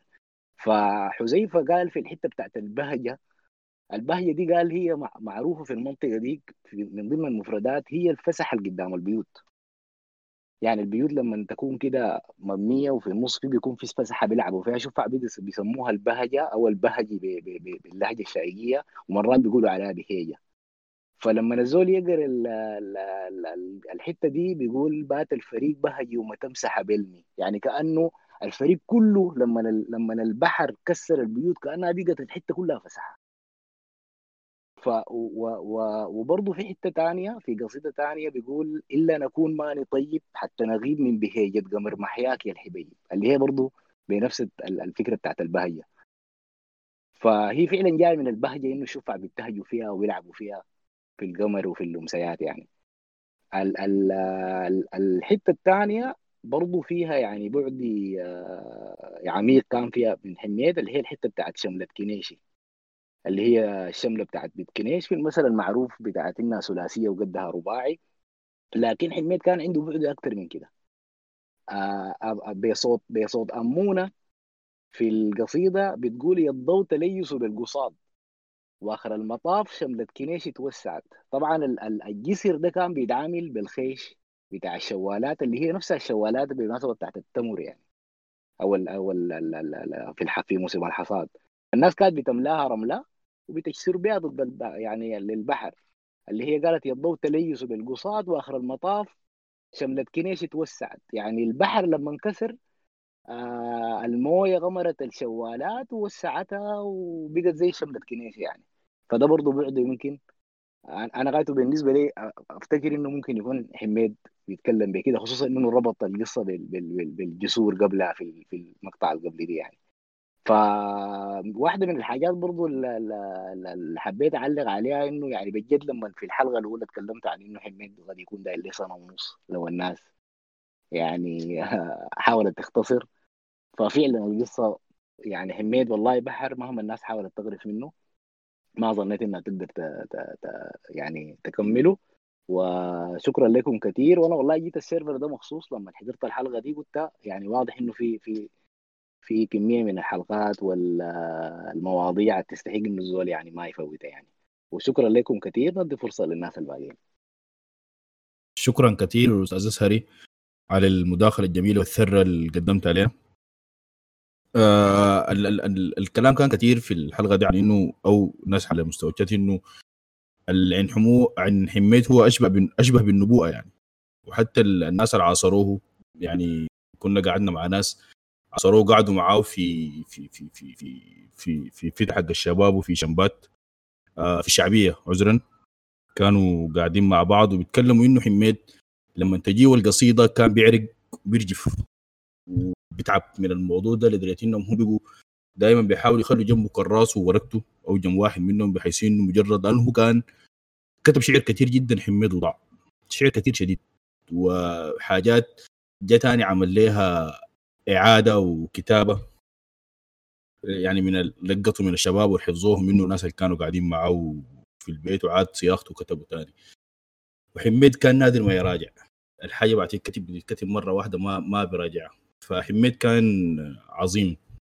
بكل القدر يكتبه وقدمه وقدر شفناه ولقيناه وعرفناه منه. وإن شاء الله زي ما قلنا في حلقات جاية كثيره آه حنجيب ناس كتار من العاصرة حنسمعهم ويحكوا لنا عنه عشان نعرف حميد في البيت والحميد على المستوى الشخصي أكثر يعني عشان نقدر نفهم أبعاد كثيره في قصائد ذاته إحنا ما حنقدر نفهمها ولا أعتقد إنه يعني ما تقليل من شهاب لكن حتى شهاب حيقدر يوصلها إذا ما فهمتها حميد كان بيفكر كيف وحميد كان بعين لل... ببساطته. وزهده الشديد عن الحياة للحاجات كيف الفرصة ثاني يا جماعة مفتوحه لأي مداخلة أو أي إضافة ممكن أي زول عايز يضيفها. آه لو أي زول عنده أي إضافة أو زيادة في الكلام اللي قاله أستاذ اسهري وشهاب في خلال الفترة اللي فاتت أو الحلقة دي أو حتى الحلقة اللي فاتت. آه والله يا أخي إضافة بسيطة بس آه الحلقة كانت يعني مواصلة بنفس ال mood الجميل بتاع الحلقة الأولى ونتمنى إنه الحلقة الثالثه والأخيرة برضه تكون في في المستوى الجميل ده. و هي الثالثه والأخيرة في يعني القصيدة. في القصيدة دي أيوه في القصيدة بتاعت الضو وجهجهة التساب وإن شاء الله نشوفكم الحلقة الجاية طيبين يعني. الله يخليك. آه طيب آه كده ما أظن في مداخلات تاني. إذا ما في مداخلات عشان نصل ال boat. الحلقة الجاية حتكون يوم الخميس الساعة 9 مساء هنا على براح برضو. ف نتقابل الخميس الجاي إن شاء الله. شكرا لكم.